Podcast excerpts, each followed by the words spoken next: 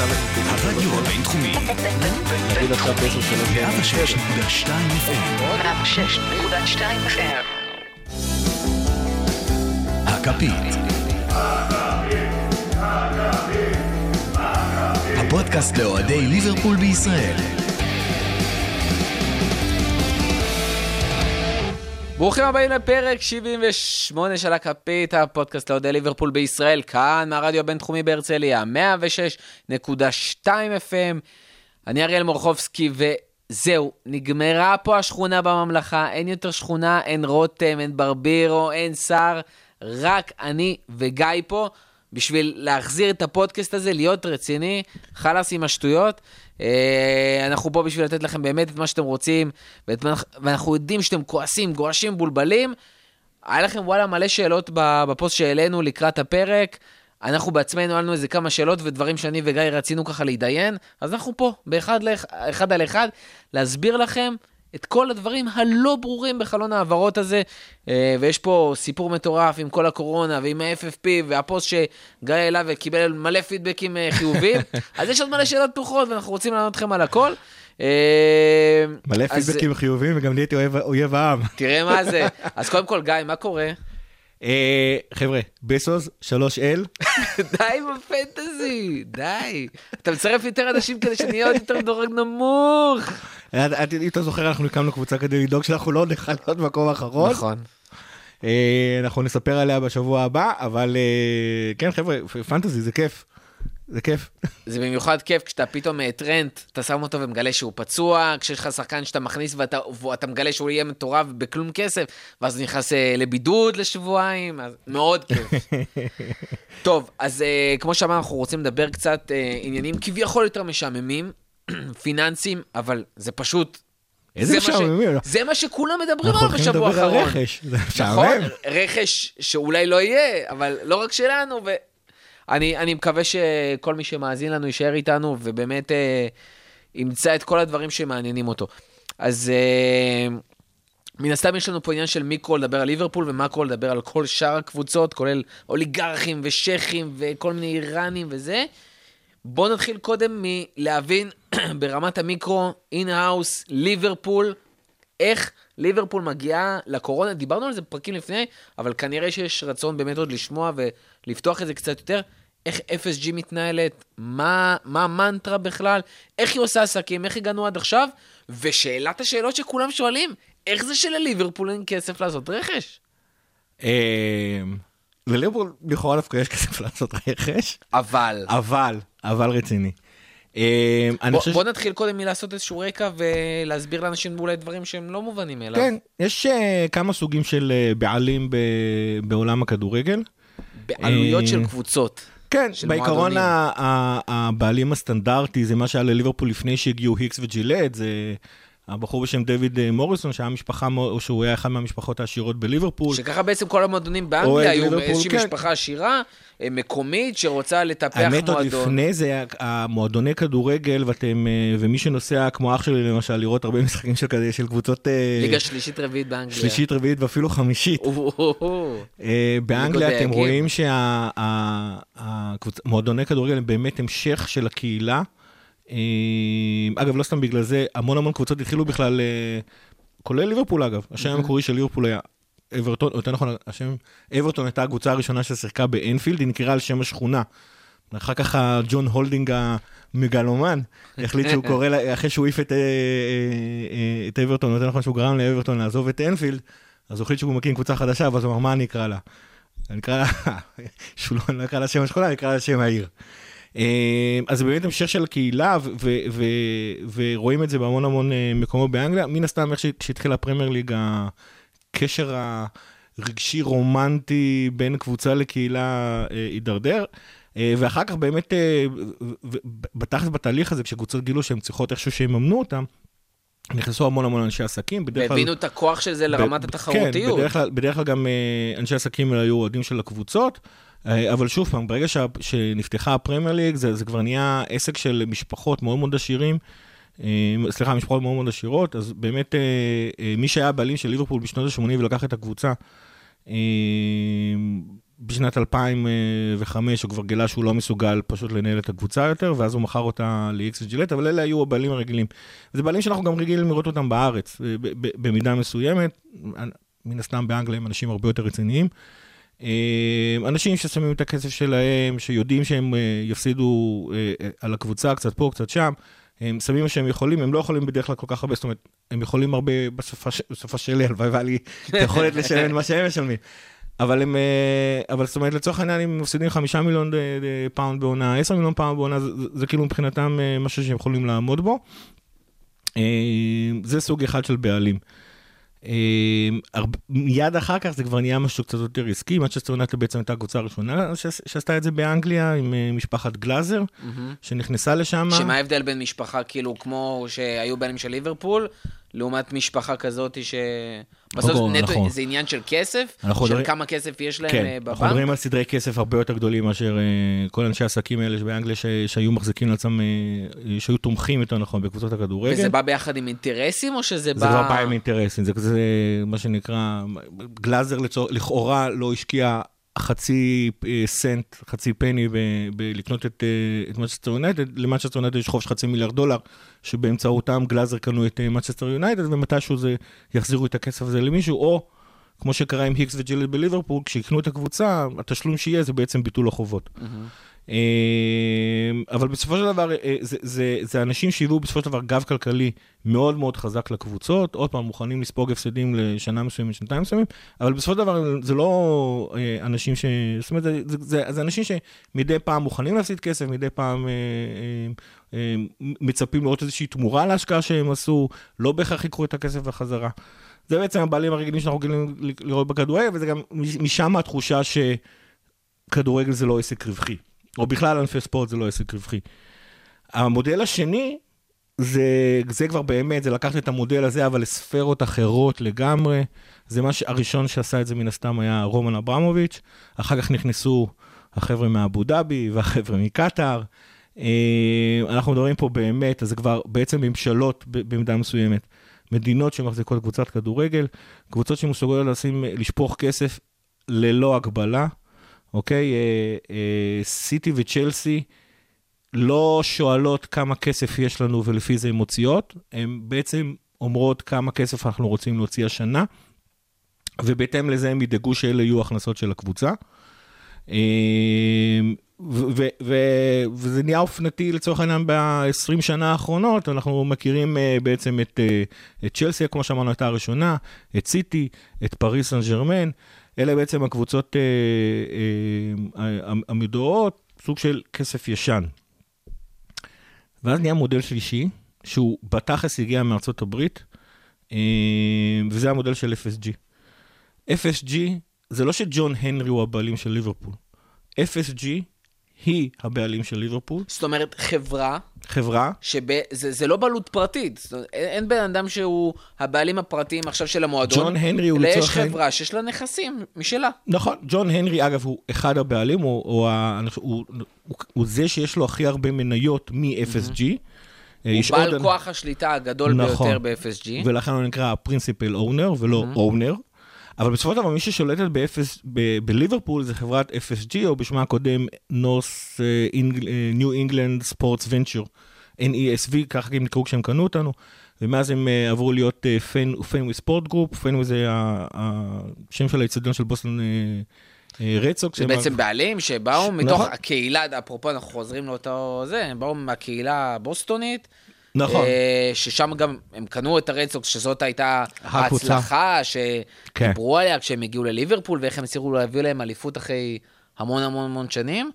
אה, ופה ו- יש להם באמת קבוצה, ש- חברה שמנהלת קבוצות כדורגל. זאת אומרת, זה לא קבוצות ה- כדורגל, קבוצות ספורט בכלל. קבוצות ספורט, וזה ה... עכשיו צריך, צריך להבין פה. את החידוש. זה בעצם חברה שה business שלה זה להיות, זה קבוצות ספורט. זה כמו שלצורך העניין אה, אה, נייקי היא חברה שה business שלה זה היה נעליים ועכשיו זה ביגוד ספורט באופן כללי. אה, לצורך, לצורך העניין, ונייקי יודעת פשוט איך למכור. נעליים ביגוד ספורט. ספורט, החברה הכי מוצלחת שעושה את זה. זה כמו, לא יודע מה, כל חברה שעושה ביטוח רפואי, והיא מומחית בלהיות חברה של ביטוח רפואי, ויודעת למקסם אה, אה, אה, הכנסות והוצאות של הדברים האלה, בסופו של דבר למקסם רווחים של הדבר הזה. זה בדיוק מה ש- ש-FSG הם. היא פשוט חברה עסקית לחלוטין, והחברה העסקית הזאת, מה שכן יודעת אבל לתת לנו, זה חוץ מאת הגב הכלכלי, היא בעצם יודעת להביא לנו את המומחיות הזאת של איך מנהלים קבוצת ספורט. תחשבו על uh, כמות הזמן והסבלנות שהייתה ל-FSG, גם עם מייקל אדוארדס, אגב, גם עם יורגן קלופ, mm-hmm. uh, לצורך העניין. ו- ומה ש-FSG עשו בעצם בשביל הדבר הזה, בשביל ליברפול, זה כמה דברים. קודם כל, הם מגדילים את ההכנסות שלנו בצורה באמת מעוררת אה, אה, פליאה. אה, בפרק של האליפות אמרנו את זה שזה נכון שרוב ההכנסות, אה, רוב הגידול בהכנסות של ליברפול הם אה, בגלל הגידול של, של הפרמייר ליג, של חוזה הטלוויזיה של הפרמייר ליג, ובגלל אה, אה, גידולים טבעיים של העסק הזה שנקרא כדורגל. אבל, אבל אה, FSG בכל זאת מראים אותנו כמה צעדים קדימה. הם שיפרו את היכולת של ליברפול לייצר שותפויות מסחריות חדשות. הם כמובן, אה, אה, אה, עם כל מי שהיה באנפילד בחמש השנים האחרונות, וגם לפני עשר שנים, רואה את ההבדל ביציע החדש, איך בכלל כל הביזנס הזה, איך מעודדים אותך להוציא כסף, אם זה על אוכל, אם זה על, על אלכוהול, אם זה על, על המגה ספורט החדש שבנו שם, שזה באמת אה, אה, הכל ב, ברמה אמריקאית. השאלה, אבל כמו שאתה אומר, הם נכנסו, האינטרס שלהם בסופו של דבר, מה שהם יודעים לעשות הכי טוב, מעבר ללנהל קבוצות כדורגל, זה ביזנס בסוף. נכון. הם באמת עושים, זאת אומרת, מכניסים כסף מהמועדון? הם, לצורך כי העניין... אנחנו, אנחנו הרבה פעמים, ואני אומר אנחנו, אני אומר, אוהדי הכדורגל, אוהדי ספורט בכלל, מבחינתם מסתכלים על זה בתור בעלים, הוא לא מישהו שבא עכשיו לעשות כסף מהמועדון, ואם הוא בא לעשות את זה, כמו על דוגמה, לא יודע, הבעלים ביונייטד או הבעלים בארסנל, שתמיד יש ביקורת על זה שהם עושים כסף על המועדון ולא באים להשקיע כן. ולפתח אותו. אנחנו מסתכלים על זה בתור בעלים באים להשקיע כדי שהוא יהיה תחרותי יותר. יכול, פה הם מצליחים לעשות אותו גם תחרותי יותר וגם באמת להכניס כסף, ואנחנו יכולים להגיד שזה בסדר? תראה, עד עתה, FSG עוד לא משכה חזרה אף אה, פאונד מליברפול. זאת אומרת, עדיין לא הרוויחה מליברפול. אבל אתה כן יודע שהערך לצורך העניין של ליברפול עלה במאות אחוזים. אנחנו כן, וזה משהו שמאוד חשוב להם. זאת אומרת, מבחינתם גם אם הם החליטו מתישהו למכור את המועדון, נכון. הם לגמרי עשו פה רווח אה, אה, אם משמעותי. הם יחליטו מתישהו שימכרו את המועדון, לא עלינו, אז, אה, אז כן, הם הולכים לעשות קופה רצינית, כי הם קנו אותו, ב- בעצם סגרו חובות של 400 מיליון פאונד, כרגע אם אם ימכרו אותו, אז אנחנו מדברים על 2.5 מיליארד אה, פאונד, אז כאילו, אנחנו מדברים פה על, דבר- על סדרי גודל אחרים לגמרי, הם כאילו הרוויחו 2 מיליארד פאונד. איזה, איזה כיף להם. אה, בסופו של דיבידנדים הם עוד לא הוציאו מליברפול, אבל הם כן הפכו את ליברפול לקבוצה מרוויחה. אני חושב שחוץ מהעונה שלא היינו בליגה האירופית, זאת אומרת, ש, סליחה, אה, חוץ מעונה אחת ספציפית שלא היינו באירופה בכלל, אבל ליברפול היא קבוצה שפשוט מרוויחה כסף כל שנה, וזה משהו שלבעלים מאוד מאוד חשוב.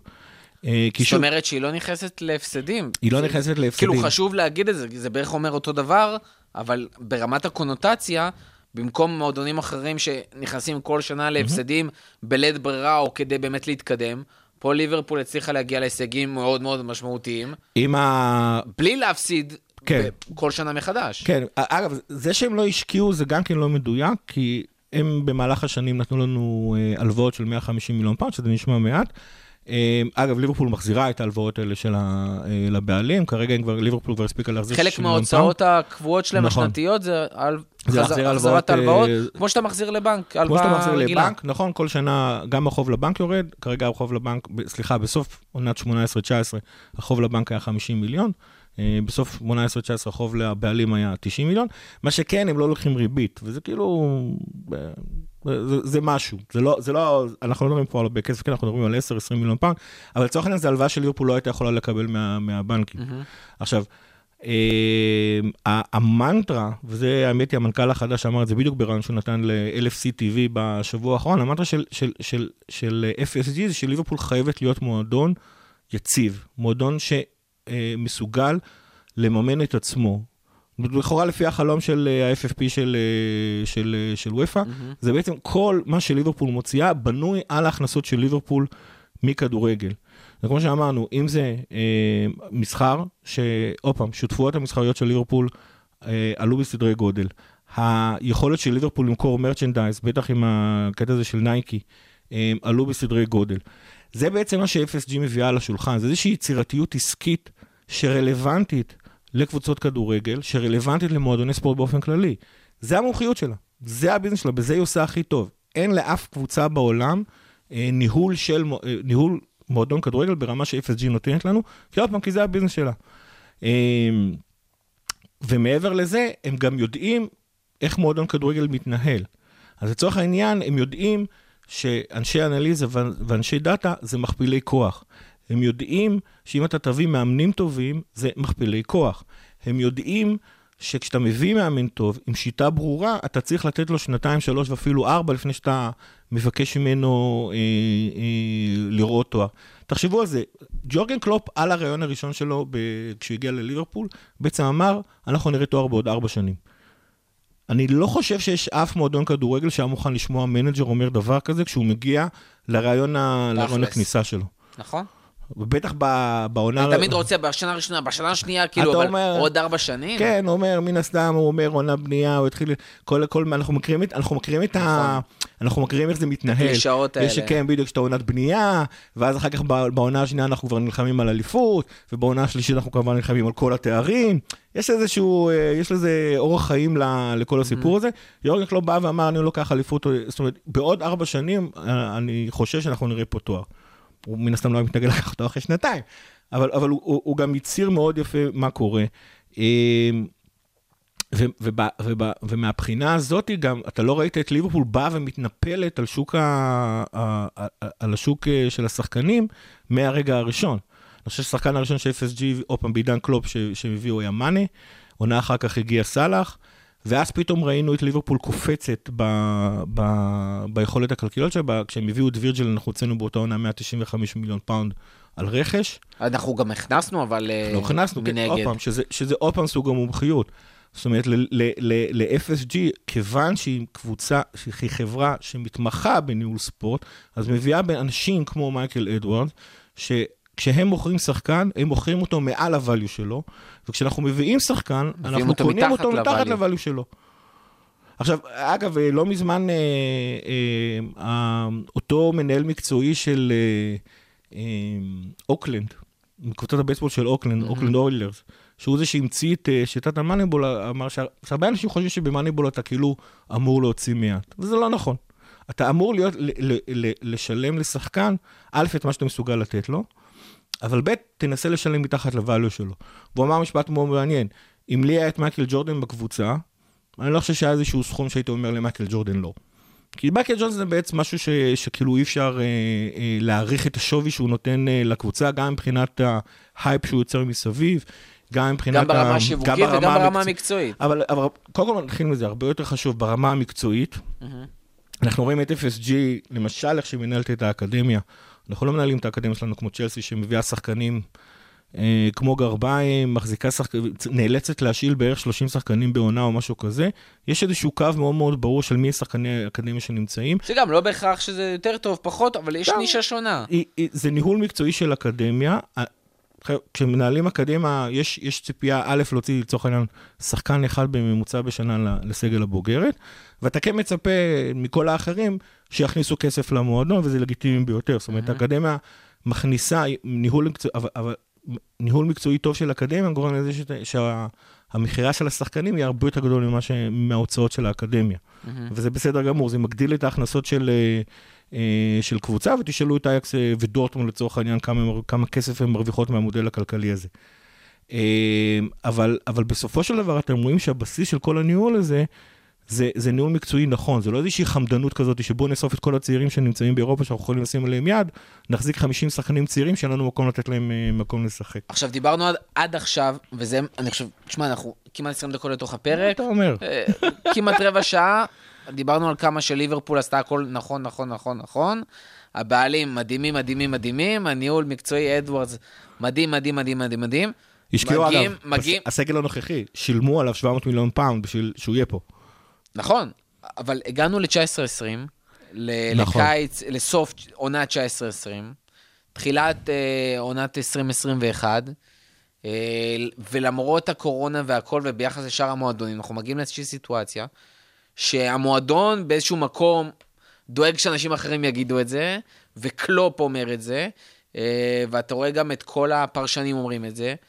לליברפול כרגע, אין ממש כסף, לא נוכל אה, להוציא, לה, להביא שחקנים, אלא אם כן אנחנו באמת מוכרים שחקנים.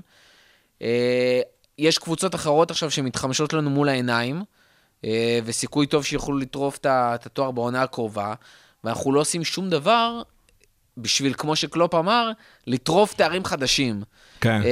ולא להגן על התארים של עכשיו. עכשיו, ניחא להגן על התארים, אתה רוצה עוד לטרוף תארים חדשים, כשיש לך את אותו סגל קיים כבר שלוש שנים ברציפות, מתחיל את העונה הרביעית שלו כבר, אה, שאין לך, אתה בעצמך אמרת איזושהי רעננות, אז האם הבעלים באמת קמצני? כאילו, זאת אומרת, למה באמת, כביכול, אין את הכסף להשקיע לשחקנים? הבעלים לא קמצנים. זאת אומרת, עוד פעם, הם לא מוציאים אגורה מכיסם, אז מי שרוצה לקרוא להם קמצנים סבבה, אבל הבעלים, יש להם, עוד פעם, יש להם איזושהי דרך התנהלות מאוד ברורה. ודרך ההתנהלות מאוד ברורה זה אומר שהמועדון חייב להיות, מבחינה כלכלית, הוא חייב להיות יציב וחזק. אה, שזה כאילו, זה אומר שלא שווה לו, הם, הם לא מאמינים בסיכונים האלה? זאת אומרת, מישהו אחר יכול לבוא ולהגיד, ואולי בצדק, שווה להשקיע פה, לקחת סיכון העונה, להיכנס להפסדים, מה שבדרך כלל לא עושים, נכון. כדי שבעונה הבאה... אלה שכבר בעונה אתה אפילו תצא ברווח, כי אתה אומר, כן. קריטי לי כרגע לקחת, דרך אגב, ספציפית מקרה ורנר, שזה בדיוק מה שצ'לסי עושים הקיץ. הם עוקצים את כל אותם שחקנים שלאחרים לא נוח להביא, והם יודעים ששנתיים הבאות הם לא יצטרכו בהכרח להביא כזה רכש כמו עכשיו, כי הם מביאים אה, כאילו חבורה של שחקנים צעירים, לסגל שגם ככה יש עוד הרבה צעירים אחרים, נכון. אה, והם יכולים לרוץ איתו עכשיו בשקט שלוש שנים. אבל בוא נזכור מה המודל הכלכלי של צ'לסי. צ'לסי חייבת עוד פעם מיליארד ורבע פאונד לרומן אברמוביץ', שכנראה לא יאסוף אותם הפעם. לא יאסוף אותם אף פעם, אוקיי? את עונת 18-19 הם סיימו בהפסד של 100 מיליון פאונד, אני לא חושב שזה הטריד את אה, רומן אברמוביץ' לרגע, מה גם שמיד אחר כך הם מכרו את, מכרו את האזארד ב-100 מיליון פאונד ונפטרו ממשכורת של 200 אלף פאונד בשבוע. זה כאילו משכורת של... אה, שנייה, 200 כפול 50 של אה, 10 מיליון? לא, לא, נשמע לי קצת מוזר, אבל נפטרו, נפטרו, הרבה מאוד כסף. נפטרו, נפ, נפ, נפטרו מהרבה מאוד כסף לשכר. אה, ליברפול לא תעשה דבר כזה. ליברפול, אה, אין דבר כזה שאתה נכנס ל, ל, ל, להפסדים מבחירה. עכשיו, זה לא אומר שליברפול לא מלווה כסף, היא תלווה כסף, אבל היא תעשה מה שנקרא הלוואות חכמות. כל מי ש... מה שנקרא קצת קורא, מבין בכלכלה קצת כמוני, קורא כלכליסט. קורא כלכליסט, עוקב אחרי הסולידית אגב, מומלץ בחום. יודע שיש דבר כזה שנקרא השקעה חכמה והשקעה שהיא השקעה מטופשת. השקעה חכמה זה השקעה שמביאה, שמטרתה להביא לך הכנסות. כשאתה לקחת, לקחת הלוואה, סליחה, הלוואה חכמה. כשאתה לקחת הלוואה בשביל לבנות את היציע, להרחיב את, לבנות מחדש את היציע המרכזי, ותכף אנחנו ניקח הלוואה בשביל להרחיב את אנפילד רוד, זאת הלוואה חכמה. כי, כי אתה, מגדילה את בזכות ההכנסות. ההלוואה, נכון. יהיו לך יותר כרטיסים, יותר הוספיטליטי, יותר אנשים שיקנו אוכל, שתייה, בלה בלה בלה באותו ביום. יום, יבואו למוזיאון, יבואו ואז למוזיאון. בעצם אתה כאילו הלווית איקס כסף, הפסדת כביכול איקס כסף, הלווית 50-60 ו- מיליון פאונד, או כמה זה היה? 60... אה, סליחה, 110, את ה-110 מיליון פאונד שהמועדון, שהבעלים נתן, כדי זה שבסוף שלו. תוכל לטווח ארוך להרוויח יותר ממה שאתה אבל, מרוויח אבל היום. בזכות ההלוואה הזאת אתה תרוויח כל עונה 20 מיליון פאונד יותר, אני לא באמת יודע מה, אני לא יודע את ההפרש באמת מזה, זה אבל לטווח משתלם הארוך לך. זה לכאורה תוך חמש שנים אתה החזרת את ההשקעה ואתה ממשיך, נכון. להרוויח. אגב, סתם side effect של הדבר הזה, בזכות ההשקעה ביציע המרכזי, אפשר אפילו לעשות הופעות באנפילד בקיץ, שזה גם מכניס איזה 5-10 מיליון פאונד בעונה, ולמה לא. נכון. אה, כנ"ל אגב, ההשקעה באקדמיה. להרחיב את האקדמיה, החדשה, שנוכל להביא יותר שחקנים, להשקיע בהם יותר ולמכור אותם ביותר כסף, ואז אתה באמת... אה, יותר מזה, ברגע שאתה, נותן להם, ארוך. ברגע שאתה נותן להם אה, תשתית טובה לאימונים, לא רק לאקדמיה, גם לקבוצה הבוגרת הרי עוברת ל- למתקן של האקדמיה, ובעצם יהיה מתקן אחד אה, מאוחד של ליברפול. את מלווד, אגב, אתה תעשה המון המון כסף במכירה של נדל"ן. אה, אתה תעבור למועד, ל- למתקן אימונים הכי חדיש שאפשר. עוד פעם, דיברנו על מכפילי כוח, דיברנו על, על חברה שהביזנס שלה זה אה, מועדוני ספורט, היא מבינה את זה. אם אני נותנת את תשתית הספורט הכי טובה, השחקנים שלי ישתפרו, יגיעו למקסימום פוטנציאל שהם יכולים, אה, ואנחנו נראה ככה אותו במגרש, אנחנו נרוויח מהדבר הזה. אז זה בסדר להשקיע אה, 50 מיליון פאונד בלבנות אה, מתקן אימונים חדש, כי אני יודע שנגרוף את הרווחים. במתקן אימונים אתה לא תראה, קשה לספור את הרווחים בכסף כמו עם יציע חדש. אבל אתה יודע שזה יעזור לך מזה ששחקנים יגיעו לפוטנציאל שלהם, במקום למכור שחקן ב-15, אתה תמכור פה שחקן ב-20 לצורך העניין. הדברים האלה מתגלגלים. זאת, זאת הלוואה חכמה. הלוואה בשביל לקנות שחקן, זאת הלוואה מסוכנת. שהיא יכולה להיות חכמה ויכולה להיות טיפשה, יכ- תלוי איזה השקעה אתה עושה. לדוג... אני סתם, אני אקח דוגמה שעולה לי לראש, סאלח, שקנינו אותו ב... כמו שאמרנו, 40, מת... 30? מתחת כביכול ל-value שלו, שזה אחת הסיבות שהוא הגיע, ש-FSG טענו שהוא שווה הרבה יותר, נכון. וקנו אותו בהרבה פחות מה-value, ועכשיו, עזוב אגב, אף, שה- value אף שלו... מועדון בעולם לא האמין בערך ש-40 מיליון פאונד. נכון. זה פחות. היום הוא שווה בערך פי ארבע יותר, נכון. אם לא יותר מזה אפילו. נכון. אה, ומעבר לזה, זאת אומרת, הוא נכס להרבה דברים אחרים, שהם לא בהכרח ה value שלו שאפשר למכור אותו לדוגמה, שזה כרגע לא ממש נראה באופק, אבל זה משהו שהוא לגמרי אפשרי, ורלוונטי לכל אחד מההתקפה, אבל, רלוונטי לכל אחד בהגנה כמעט. אבל, הבעיה- אבל, אבל גם לקחת הלוואה בשביל לקנות את סאלח לא הייתה הלוואה חכמה, או יותר נכון הייתה, נקרא לזה, בניסוח הדין נקרא לזה מסוכנת. הלוואה מסוכנת, כי אף אחד לא הבטיח לך שזה מה שסאלח יעשה. נכון. זאת אומרת, היום כולנו חכמים בדיעבד. כשליברפול קנתה אותו ב-40 מיליון, אנשים בכל אירופה הרימו גבה, אמרו, הוא לא שווה 40 מיליון. היום כל הקבוצות שהרימו גבה היו מוכנות לשים עליו 120 מיליון פאונד, ו- ומלמעלה מזה, בשביל להביא את סאלח, הם יודעים שהוא לא יבוא, אה, אבל אתה, אתה לא באמת ידעת את זה. אתה, אף, אף רכש ש, שאתה קונה לא מבטיח לך שום תואר, ולא מבטיח לך אה, הצלחה על המגרש. אה, יותר מזה, אגב, כשאתה מביא רכש, בטח לקבוצה מגובשת כמו הסגל הנוכחי של ליברפול, כשאתה מכניס רכש לכל הקבוצה, הזעזוע הזה גם יכול להיות זעזוע שלילי. אה, יש לך סגל שהוא, אתה יודע, מתקתק על עיוור, הבנה טלפתית בכל השחקנים, לא רק במגרש, גם מחוץ למגרש, כולם חברים טובים וזה, אתה מכניס את האישיות או הפרסונה הלא נכונה, אה, דברים יכולים לקרות ולרעה דווקא. אז אה, זה נורא מסוכן, אתה מוציא שחקן, לצורך העניין יש לך 11 שמתקתקים על המגרש, אתה מחליף את אחד מהם בשחקן אחר, יש איזושהי תקופה מסוימת של הסתגלות, בכלל בליגה האנגלית אנחנו יודעים שלשחקנים לוקח זמן עד שהם אה, מתרגלים, אה, אז אף אחד לא מבטיח לך ש, ש, שזה יצליח.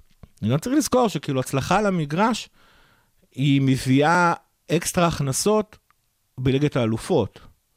אבל היא לא מביאה לך אקסטרה הכנסות בליגה האנגלית, כן? כי מה? כי ההבדל בין, בין מקום X לאחד למעלה מעליו, זה כולה 3 מיליון פאונד. כשליברפול לקחה את האליפות במקום אה, מקום שני, היא בעצם הרוויחה עוד 3 מיליון פאונד בגלל, בגלל, בגלל העסק הזה. וסיטי לצורך העניין, כשסיימה מקום שני, במקום אה, לסיים במקום הראשון, הפסידה רק 3 מיליון פאונד אה, בגלל הדבר הזה. והצלחה בליגת האלופות, כמו שחווינו העונה, היא לא בהכרח מובטחת. אתה עלול ל- להיתקל באתלטיקו, אתה עלול להיות בפורמה לא טובה דווקא בשמינית הגמר. אמ, אם היינו מקבלים כנראה את אה, אטלנטה, כנראה שהיינו עוברים, אבל אף אחד לא מבטיח לך את הדבר הזה. זאת אומרת, גם, גם במקום הגרלה של אתלטיקו, יכול, יכולת לקבל את ברצלונה, זה אולי, אולי דווקא נחמד, אבל היית יכול לקבל את ביירן מינכן בשמינית הגמר, ואז כאילו בכלל, אה, אה, או גם אם היית עובר את אתלטיקו, מרבע הגמר, הגרלות הן כבר חופשיות לחלוטין, זה לא תלוי מקום ראשון, מקום שני, אתה מקבל את אה, ביירן מינכן ברבע הגמר. וכמה שאני עדיין חושב שאנחנו הקבוצה הכי טובה באירופה, זה לגיטימי.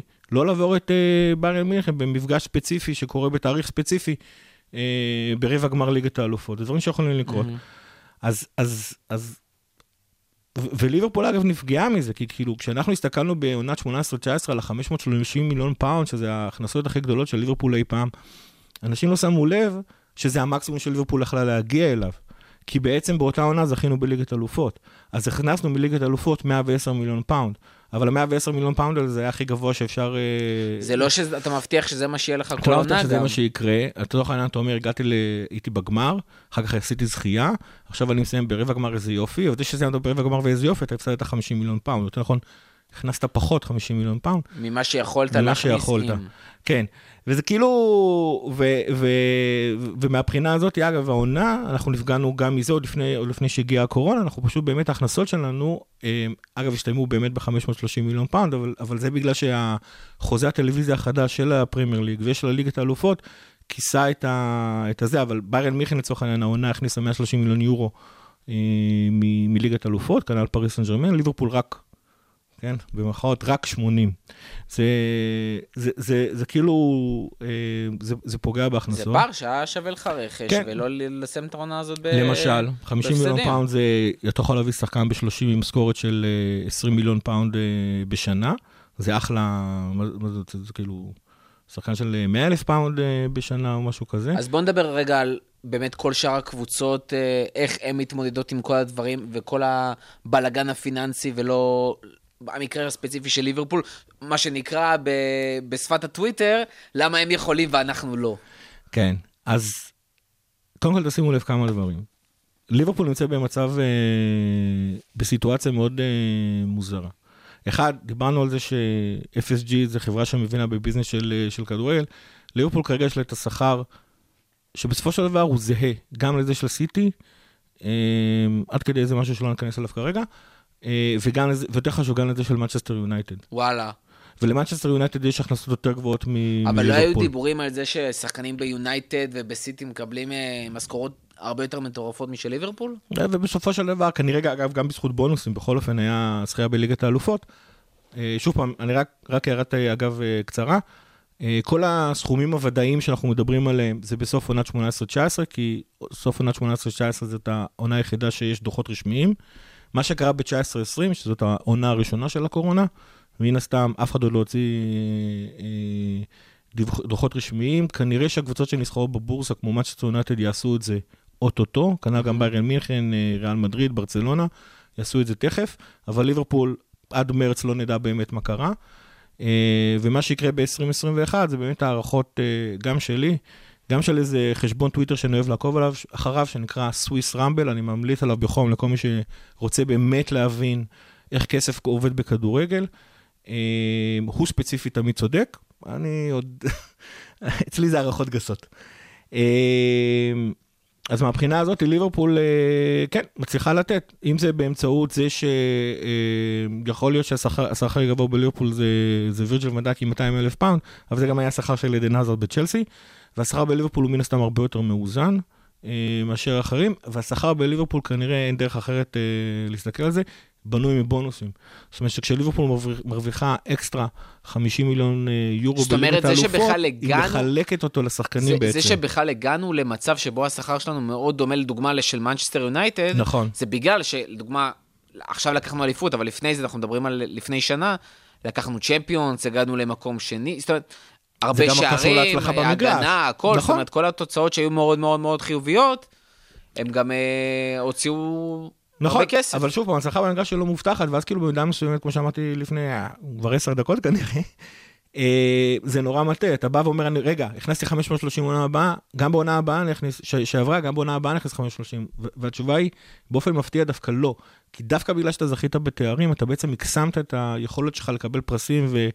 וחוזים מהטלוויזיה, ואת המענקים כמו שאתה מהטלוויזיה. גם מכניס יותר, אתה גם מוציא יותר. אם אתה בסיים, אם העונה נסיים מקום שני, ש- עוד לפני הרי, גם אם היינו עושים רכש מטורף, מהמם. תוצאה לגיטימית כש- כשיש לך קבוצה כמו סיטי ב- בליגה, אף אחד לא מבטיח לך אליפות כל עונה.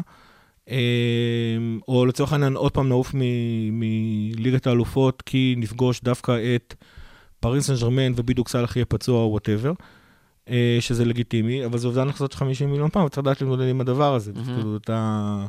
ואנחנו רואים אגב שבאופן אה, נורא יפה, הרווחים של ליברפול זה בדיוק אותם 50 מיליון, אה, שזה ההבדל בין אה, לסיים ברבע הגמר לבין, אה, לבין זכייה. מה שאומר לי שהתכנון הוא מכוון, אה, הוא, הוא מכוון סולידי.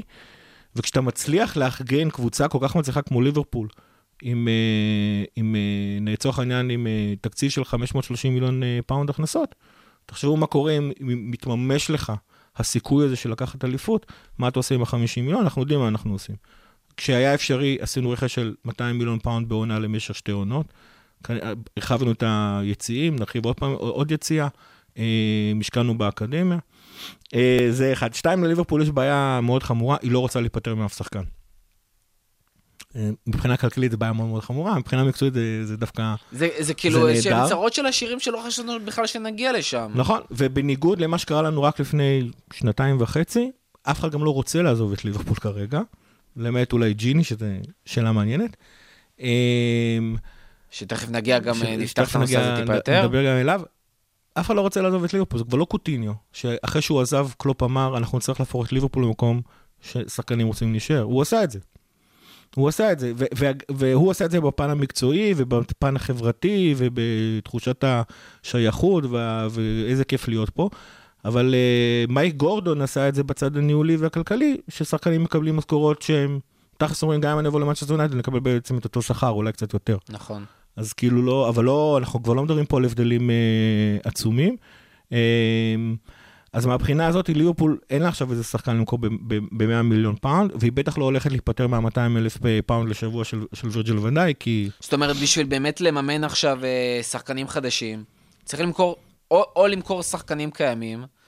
או אה, לא, ל- ל- לפנות לבנק רומן, כן. אז, שזה תמיד טוב. אז בואו באמת נדבר על בנק רומן, זאת אומרת, איך צ'לסי עושה את זה, איך סיטי עושה את זה, איך אה, פריז עושה, זאת אומרת, מה היכולת שלהם יש מעבר, מעבר לבנק רומן, ויותר מזה, איך, איך עומדים באמת ב fair play, בהמשך לפוסט שלך בחוג האוהדים, איך עומדים ב fair play, כי אנחנו צריכים לזכור שיש גבול כמה כסף אה, בעלים יכולים אה, להכניס למועדון, כדי לאזן את הדבר הזה. אחרת באמת אין לזה שום גבול. אין לזה שום גבול. עכשיו, בתכלס מתברר שבשורה התחתונה, מבחינה כלכלית גרידא ומזומנים גרידא, אין לזה שום גבול. אה, זאת אומרת, אם אני רוצה עכשיו להביא, לא יודע, מיליארד מרומן בקיץ בשביל רכש, הוא יכול. אפשרי. הוא יכול. אם יש לו והוא אם רוצה, יש לו והוא רוצה, הוא ייתן אפשרי. לך. כן. איפה ההגבלה? אז בואו רגע נגיע לזה. זאת אומרת, כשאתה מוציא כסף של הקבוצה אין, אז עכשיו צריך אחד משתי דברים. אם אתה לוקח הלוואה מהבנק, יבוא נושה כלשהו, ומתי שהוא יגיד לך, חבר'ה, אני רוצה את הכסף. כמו שקרה לליברפול ב-2010, שמתישהו הבנקים אה, אמ- אמרו, בעקבות המשבר הכלכלי, אנחנו רוצים את הכסף, אתם הלוויתם 400 מיליון פאונד, אנחנו רוצים אותו עכשיו. וליברפול כמעט נסגרה בגלל הדבר הזה. אני צריך אה, גם לזכור את הקטע הזה. אה, צ'לסי, אין חובות. יש לה אפס חובות לבנקים, אבל יש לה מיליארד ורבע חובות לרומן אברמוביץ', והוא לכאורה יכול לשים... אז את הבעיה הזאתי, של האם מישהו יבוא, ידפוק בדלת לצ'לסי ויגיד להם, אני רוצה כסף עכשיו, רומן אברמוביץ' פתר, אותו דבר גם שייח' מנסור, אותו דבר גם אה, מושירי של אברטון, אה, ו-PSG זה בכלל... אה, ועדיין הם צריכים להראות שהם גם, אה, יש להם באמת הכנסות אמיתיות, ולא או, הכנסות של עכשיו אנחנו- רומן או שייח' מנסור. עכשיו אנחנו מגיעים לנקודת ה-FFP. שבשנה האחרונה עבר שיימינג ובצדק, אבל עם ה-FFP קורה שני דברים. אחד, יש חוק נורא בסיסי ב-FFP. במהלך שלוש שונות לקבוצה אסור להפסיד יותר מ-30 מיליון יורו. בסך הכל של השונות עונות האלה, שלוש שלוש אחרי עונות האלה. חישוב של הכנסות והוצאות של המועדון, אסור לו להיות בהפסד של יותר מ-30 מיליון יורו. כן, וה- וההכנסות האלה, אגב, הן הכנסות אמיתיות מכדורגל. הווה אומר, כרטיסים, אה, ספונסרים, אה, אה, סליחה, זכויות טלוויזיה וכו' מה וכו'. לדוגמה יכול להיות הכנסה שהיא לא נחשבת? הלוואת שהיא לא בעלים. כדורגל? אוקיי. הלוואת בעלים איננה נחשבת להכנסה. אז זה, זה, זה אחד.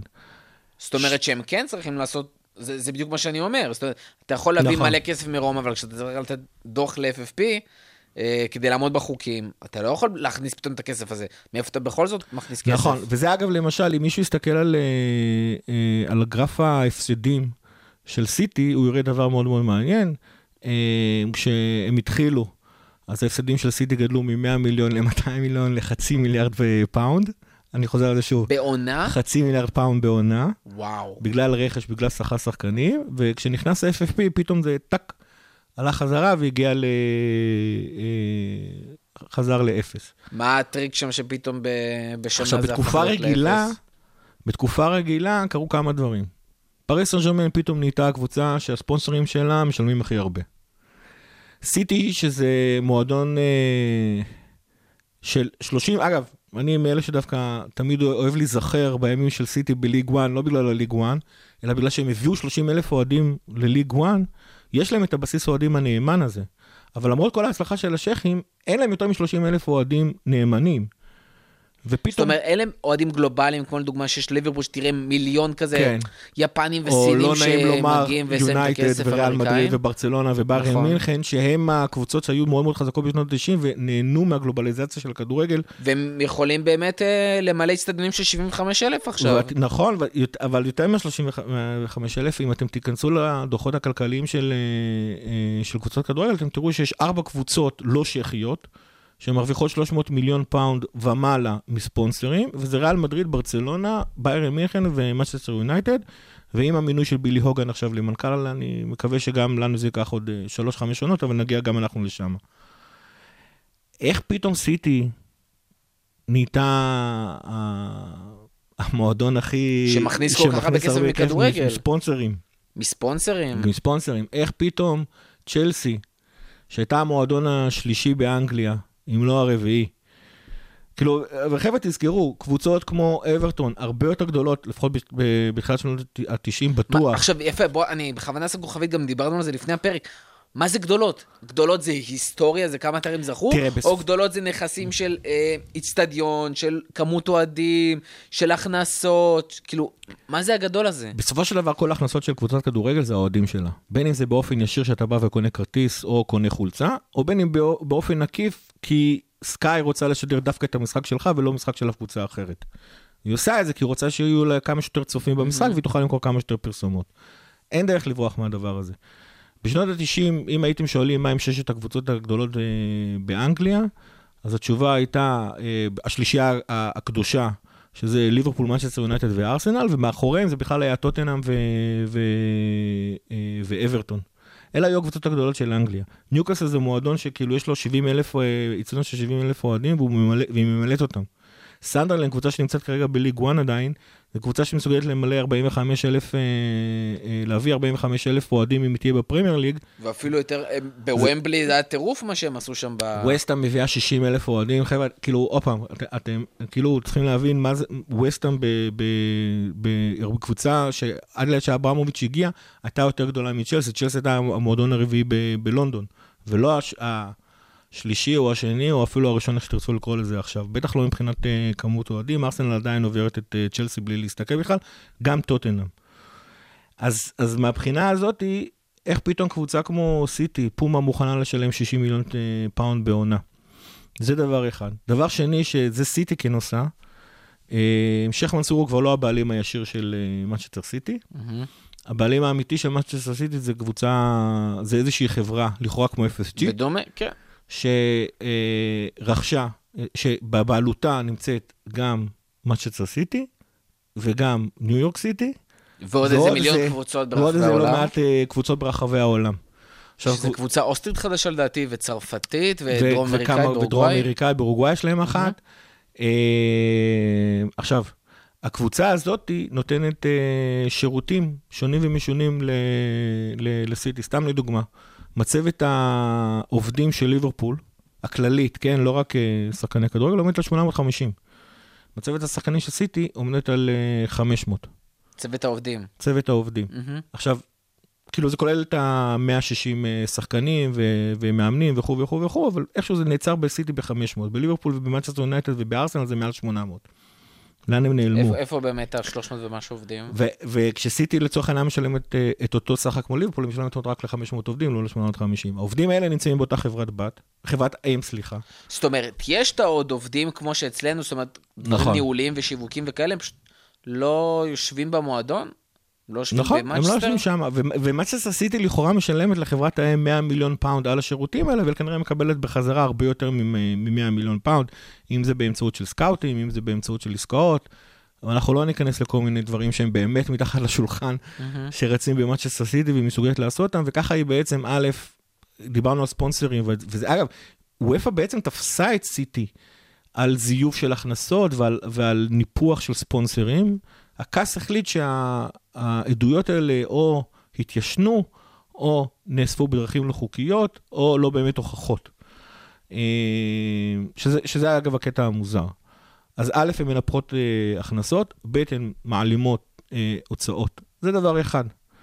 דבר שני שקרה, וזה ההתאמה שוופא עשתה בשביל, אה, בשביל הקורונה, אה, וופא הבינה מהר מאוד שקבוצות אין להם כסף, שכאילו הם איבדו הכנסות אה, בצורה מסיבית, ואם בעונה 19-20 איבדו הכנסות למשך חודשיים או שלוש, ב-2021 אף אחד לא יודע מתי יחזור קהל.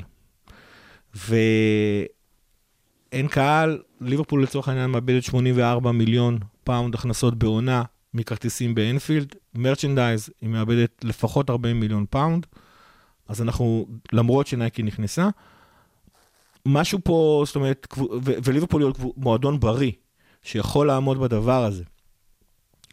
אז מה שאופ"א עשתה... אבל יש, יש הבדל בין לעמוד בדבר הזה לבין כן. לצלוח אותו כזה בגבורה. זאת אומרת, זה לא שהמועדון עכשיו יקרוס, זה לא שנצטרך אה, להעיף שחקנים ולמכור ולהכניס כסף. פשוט אי אפשר עכשיו יש, אה, להמשיך פעילות נכנסים, כמו שרצינו. נכון, אנחנו עלייה. נכנסים לתגובה, לתקופת אי-ודאות, שעוד פעם, דיברנו על בילי הוגן, הוא פשוט אמר את זה, שזה האתגר הכי גדול שלו בעונה הקרובה.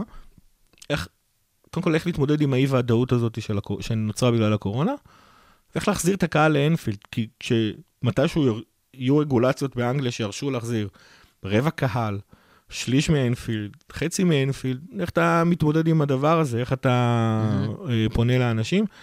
אמ, זה, זה אחד. אז מה שוופא עשתה מבחינת ה-FFP, היא עשתה משהו כזה, מבחינת 19-20 היא ביטלה אותו. זאת אומרת, בכניסה לעונה הבאה, כשקבוצה באה לוופא ואומרת לה, אני רוצה להצטרף לליגת אלופות בעונת 2021, היא הייתה אמורה להגיש לה דוחות על שלוש עונות אחורה. האחרונה בהם היא 19-20, וופא אומרת, לא צריך, תגישו לי רק שתי עונות, רק את עונה שמסתיימת ביוני 18, ורק את העונה שמסתיימת ביוני 19. זאת אומרת, על העונה החולפת אין דיווחים, נכון. רק על השתי עונות הקודמות, שזה כביכול מה שכבר הגשתם לי בעונה הקודמת, פחות נכון. עונה אחת, שזאת הייתה העונה הרחוקה, השלישית. נכון. לא, דווקא את הקרובה היא ביטלה, את העונה האחרונה, שקבוצות יכולות... לא, אבל שנה שעברה הם דיווחו שלוש נכון. עונות אחורה. את ה... 아, כן, האחורית כן, כן. ביניהם. כאילו, זאת אומרת, הראשונה ביניהם, פשוט מורידים, ותנו לי רק את השתי עונות האלה. רק את השתי עונות האלה. עכשיו, הרבה קבוצות במצב הזה נמצאות במצב טוב. זאת אומרת, אה, עוברות את זה, אגב, גם צ'לסי, כמו שהיא הפסידה 100 מיליון פאונד בעונת 18-19, בעונת 17-18 דווקא מכרה המון שחקנים, צ'לסי מוכרת הכי הרבה שחקנים באנגליה, אה, יותר מליברפול. בסכומים הכי גבוהים. בסכומים הכי גבוהים, אה, כשנפטר מהאזרד זה קל, אבל עוד לפני האזרד אני כבר לא זוכר את מי היא מכרה, אבל היא מכרה. אז זה מסתדר לה. היא, היא נכנסת עם השתי העונות האלה ל-FFP. מה שוופא עושה לעונה שאחר כך, היא כאילו לוקחת את... אה, אה, היא, היא בעצם מבקשת מקבוצות לדווח על ארבע עונות. עוד פעם על העונה שמסתיימת ב-18, עוד פעם על העונה שמסתיימת ב-19, ומשום מה, במקום לקחת את 20 ואת 21 כעונה אחת מאוחדת, היא ביקשה תעשו את הממוצע. וכשעושים ממוצע קורים כל מיני קסמים אה, חשבונאיים אה, נחמדים, וצ'לסי למשל לצורך העניין, נמצאת... יכולה להרשות לעצמה להוציא עכשיו מלא כסף, כן. שנה הבאה להוציא מעט מאוד כסף, וזה מתאזן יפה וזה מאוד. וזה מתאזן יפה מאוד. זה נחתך בחצי בערך. וזה נחתך בחצי, אגב, יש לו עוד אפילו עוד מקום, ל... כאילו החישוב שם הוא קצת, הוא לא כזה מורכב, אבל לא, לא, לא, לא, לא התעקשתי לעשות את זה באקסל, יש לה עדיין 50, 60, 70 מיליון פאונד להוציא. אה, ועדיין לעמוד אה, בתנאים של ה-FFP. סיטי כנ"ל נמצאת באותו מקום. זה הפתרון של סיטי וצ'לסי. קבוצות אחרות נמצאות במצב אחר. אברטון למשל, גם כן יש לה את העניין של הבעלים מצד אחד, מצד שני, אברטון לא צריכה להיכנס ל-FFP, לפחות לא בעונת 2021. כי היא לא פונה לליגת האלופות. היא גם לא פונה לליגה אירופית, הם לא קרובים. לצערה. אה, וזה גם כן תהליך שלקח לצ'לסי, סליחה, כשדיברנו על ההפסדים שלה, היא התחילה לחתוך אותם לאט לאט, אבל כאילו, זאת אומרת, היא, היא סיימה להיות באיזון מבחינת חוק ה-FFP, בדיוק בשנה הראשונה שהיא הייתה צריכה להיכנס לליגת האלופות. ואני מניח שאברטון עובדת גם כן על איזשהו אז רגע, אז בעצם אברטון, ש... תשובה נהדרת, אברטון בעצם לא צריכה לעמוד בחוקי FFP, כי לא... כי הם לא הולכת לשחק באירופה. כי לא הולכת לשחק באירופה. מדהים. אה, טוב, יש עוד איזה משהו שרציתי להתקדם אליו. אה, אה, אה, אה, אה, אני רוצה לגעת יותר בעניין המקצועי. אמ, דיברנו קודם כל, קודם על זה שיש שחקנים ש... זאת אומרת, שחקני הרכב כרגע, אף אחד לא רוצה ללכת, ואנחנו לא רוצים למכור את אף אחד, אבל uh, הרבה אנשים אומרים, כאילו, אנחנו חייבים לעשות משהו, וגם יותר מזה, אחת השאלות, בפוסט היום שעלה, שביקשנו באמת מהמאזינים שלנו לשאול שאלות, אחת השאלות הייתה, אה, בוא נראה, זו הייתה ממש שאלה שרלוונטית. אה, העתיד עוד שנתיים שמחליפים את השלישייה ההתקפית, בנוסף לאנדו שאולי ירד לספסל. אה, אנחנו כאילו נתייבש עם אותם שחקנים, לעומת קבוצות אחרות כמו צ'לסי וסיטי שכל הזמן מהרעננות. אז מה שקורה אצלנו בעצם, אה, שעשינו את התחקיר על הפרק הזה, שבעצם שחקנים כמו שקירי, ואוקס, וקייטה, ואורגי, וווילסון וגרויץ', שהיו אמורים להגיע לעונה הזאת כבר נכון. בשיאם, אפילו לעונה הקודמת חלקם בשיאם. נכון. שחקנים כמו אוקס או שקיר, שכבר בגיל 26-27, זה המקום שלכם לפרוח, זה המקום לתת את אותם שחקנים שאנחנו מחפשים כרגע בעצם, ופשוט מקצועית, פחות קל לנו, או שפחות קל לנו, או באמת חוסר מזל. פציעות, האמת היא, או כולם רגי שלא הצליח באמת לפרוח, ווילסון שפחות כן. מתאים, גרויץ' שפחות הצליח לפרוח, אה, קייטה, אוקס, שקיר, כולם היו פצועים, אה, ובעצם היינו אמורים, זאת אומרת, היה כבר הכל אמור להיות, והיינו יכולים בשקט להעביר את הקיץ בסבבה, אבל זה באמת פשוט סיכון שפחות הצליח. נכון, אוקס, קייטה למשל זה זה, אה, הימור שעל פניו כרגע לא הצליח. אה, שיכול להיות עוד, אה, שנראה השנה שזה מצליח, נכון, אני אבל עדיין- עד עכשיו, אם אנחנו שמים כאילו את ה... חותכים שנייה את הטיימלין ואומרים עד עכשיו, נכון. זה די כישלון. כן. כן, אני, אני שונא את המילה כישלון, כי היא כאילו חזקה מדי, אתה יודע, כי מבחינתי כישלון זה אפס.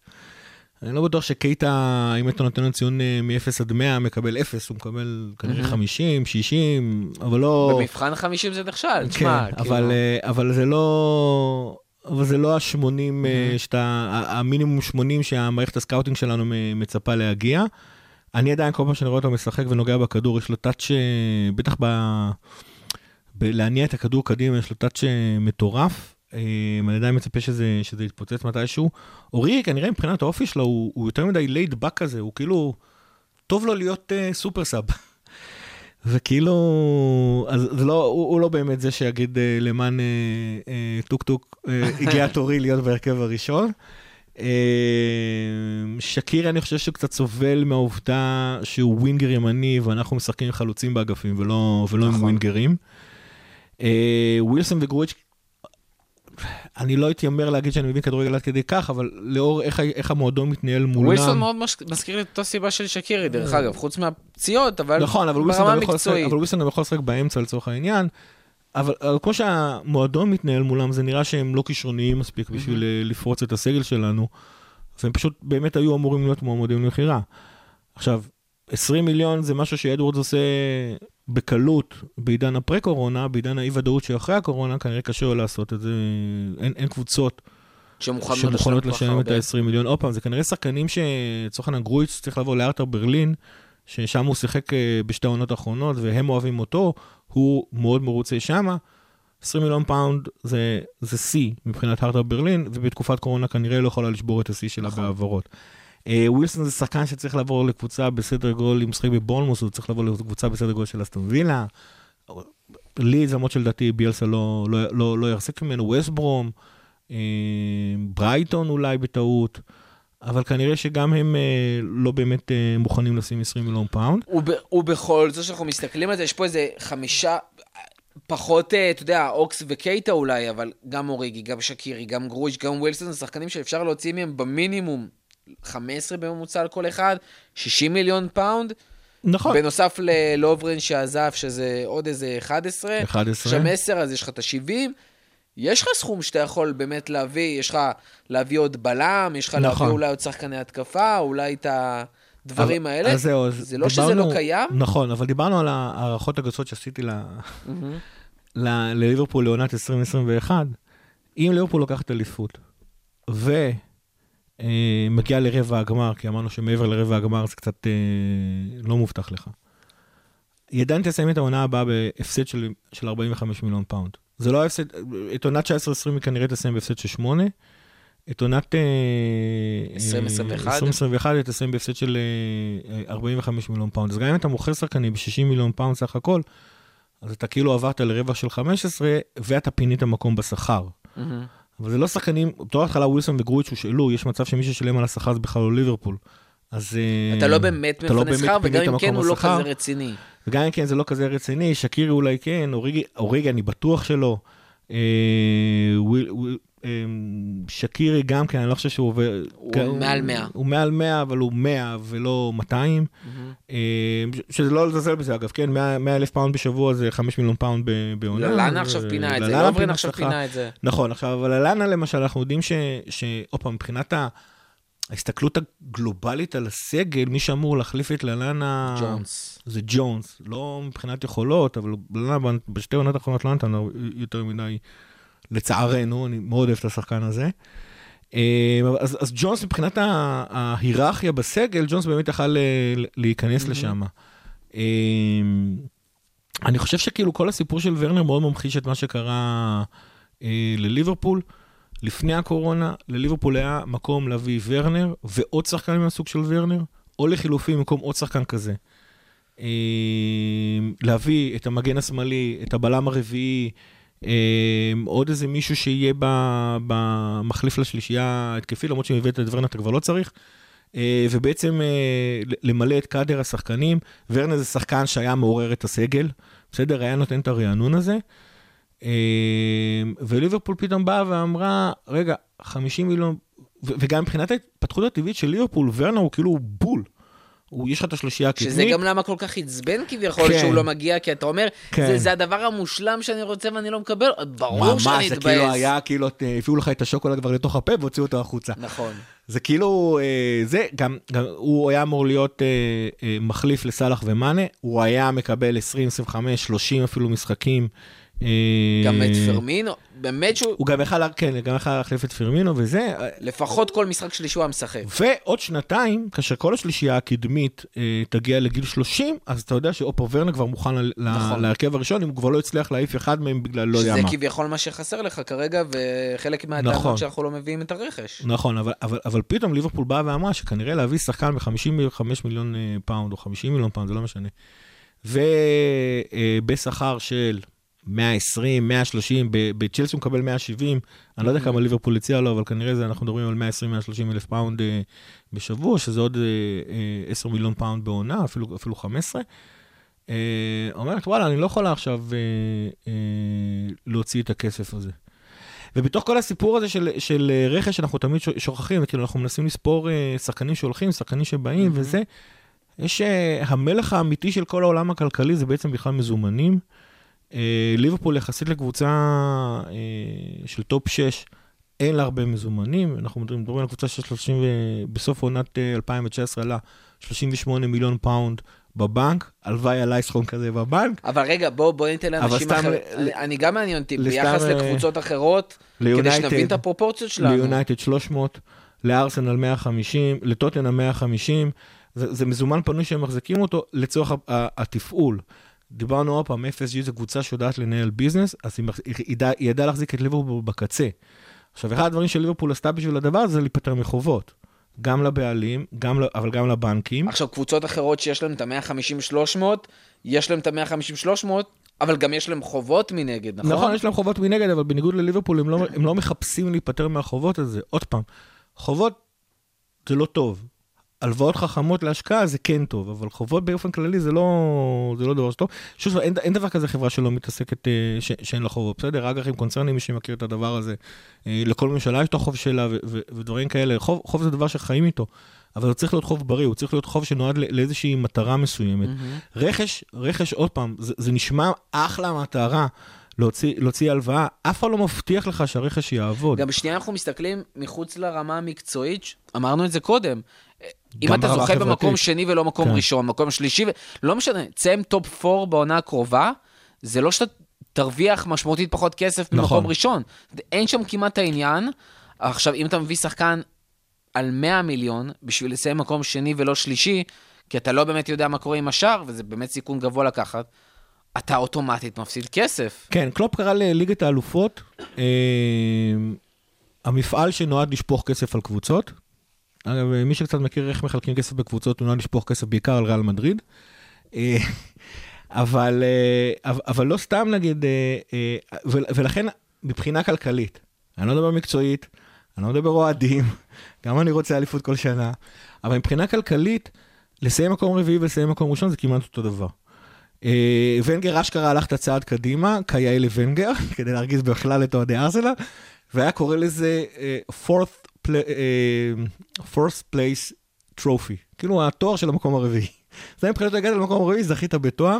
אני חושב שארסנל היה את הרצף הכי ארוך, יותר נכון. ממנצ'סטר יונייטד של אה, קבוצה שסיימה במקום הרביעי, וזה בדיוק הדבר הזה, כי הכסף הגדול נמצא בתוך אה, ליגת אלופות. בפרמייר ליג שינויי מקום לא משפרים יותר מדי, עוד פעם, לקבוצות טופ 6. אה, עכשיו, אז, אז אמרנו, ליברפול, גם מבחינת מזומנים, היא הייתה מנוהלת על הקצה. כנראה שהיה חסר לה מזומנים, בטח לוורנר, יכול להיות שעכשיו כן מסדרים את העניין הזה, אבל אה, אני לא באמת יודע מה קורה אה, מאחורי הקלעים של הקבוצה. אבל, אבל מבחינת סיכונים, ליברפול לא תעשה הלוואות לרכש. מה שכן, אם אה, באמת נמכור שחקנים, ועוד פעם, זה שליברפול רוצה למכור את גרויץ' ו- ווילסון, ואולי אפילו גם את שקירי, ואולי אפילו גם את אוריגי, עדיין לא מבטיח לך שכל הרביעייה הזאת תימכר. אומרת, זה שליברפול רוצה למכור סבבה, צריך למצוא קבוצה שתסכים לקנות אותם. והשאלה גם בכמה. נכון, ושאלה גם בכמה. זאת אומרת, ווילסון כרגע אנחנו יודעים שיש שם כמה קבוצות שמתעניינות, ניוקאסל לדוגמה וכאלה. אה, גרויץ' כמובן בגרמניה. אה, וגם אוריגי היו שם דיבורים על קבוצות, במיוחד בוטום 10 בליגה שמעוניינות. נכון, אבל אני חושב שזה שוורנר מגיע, ומתן. זה שוורנר לא הגיע, פתאום אוריגי נהיה משהו שאתה צריך לשמור עליו. עכשיו, כל הסוגיה הזאת של ליברפול לא מביאה את הרכש שהיא כנראה כן תכננה לעשות. מהמם. אה, אה, בתחילת, ה... עכשיו בעצם, אה, אם לא היה קורונה, גורם לזה שפתאום לשחקנים יש מעמד אחר בתוך הסגל. זאת אומרת, אתה יודע מה אתה יכול לקבל מווילסון, זה לא, יכול להיות שזה לא מה שרצית, יכול להיות שזה אפילו פחות טוב מג'ונס, אבל יכול להיות שזה גם עדיין יותר טוב מג'ונס רק בגלל הגיל של ג'ונס, אבל לדעתי הוא כישרון מטורף, אבל בצד רגע. אה, אבל יכול להיות שווילסון עדיין ייתן לך תרומה טובה יותר מג'ונס לעונה הבאה. ואתה תגיד, בוא, אני יכול להשתמש בו בסגל. אז אם אני מקבל ממנו 15 מיליון, זה לא שווה למכור אותו, אבל 20 כבר כן. אמ, זה דבר אחד. אמ, אז, אז אנחנו עדיין לא יהיה שווה אולי באמת לשמור את כל אלה בסגל, רק בשביל לחכות אותו, נא לעשות איזשהו סוג של הקרבה במקום הקרבה של כסף לטובת העונה הקרובה, הקרבה של לשמור כסף, כדי למכור אותם ביותר בעונה הבאה, ובעונה לאחר מכן, כן. לא הקרובה, עד אחרי, כבר אתה יכול אה, לתת גז, כשקבוצות אחרות יהיה להם אולי קצת יותר קשה. אין, אין שאלה בכלל שליברפול תצא מהמשבר הכלכלי הזה במצב הכלכלי הכי טוב, עד כדי קבוצות שייחים. בסדר, קבוצות שייחים זה, זה באמת, זה עולם כלכלי אחר לגמרי, אין מה בכלל להשוות אותם לליברפול בשום צורה, אין, אני אגיד לכם יותר מזה, אין מה להשוות אותם אפילו למנצ'סטר יונייטד. ריאל מדריד וברצלונה זה סיפור אחר, כי הם באמת יותר מדי עשירות, אבל, אבל, אבל... אה, גם עם חובות עתק עתק גם חובות עתק. עתק עתק עתק, אה, בעיקר ברצלונה אגב, בריאל מדריד קצת פחות. אה, אז, אז, אז כאילו באמת שאין אין, אין מה להסתכל עליהם ולהגיד אה, למה הם ולא ליברפול. ליברפול מבחינת, מבחינת כל הקבוצות שהן לא קבוצות צ'כים, תצא מהמצב הכלכלי הכי טוב, יהיו לו את היכולות הכלכליות הכי טובות. עכשיו, מה שתמיד, אה, כמו שאמרנו על ורנר, שמו לך את השוקולד בתוך הפה והוציאו לך אותו החוצה. חבר'ה, יש עוד קוביות שוקולד בעולם. אה, ורנר האמת הוא באמת כישרון ייחודי, אבל, אבל כאילו, אני לא מתרגש יותר מדי, אה, אה, גם ונדרבי, ונדרבי, גם ג'ורדן סנצ'ו למשל לא יצא מדורטמונד, אז יכול להיות שעונה הבאה הוא יהיה פנוי. ויכול להיות ש, שקבוצות לא באמת ה- את האי-הוודאות הכלכלית. צריך להודות, ליברפול, ו- וכנראה יותר נכון FSG, מנהלים את האי-ודאות הכלכלית הזאת של הקורונה בצורה מאוד מאוד מאוד שמרנית. הן אומרות, אני לא יודעת מה יקרה, אז אני לא מוכנה לקחת סיכונים שאני לא יודעת מה, מה יקרה. אבל יכול להיות שמה ש, שקורה לכל הקבוצות שלא לוקחות את השמרנות הזאת, זה שהם יגלו בעונה הבאה, אפילו בינואר, שבואנה, אין לנו כסף.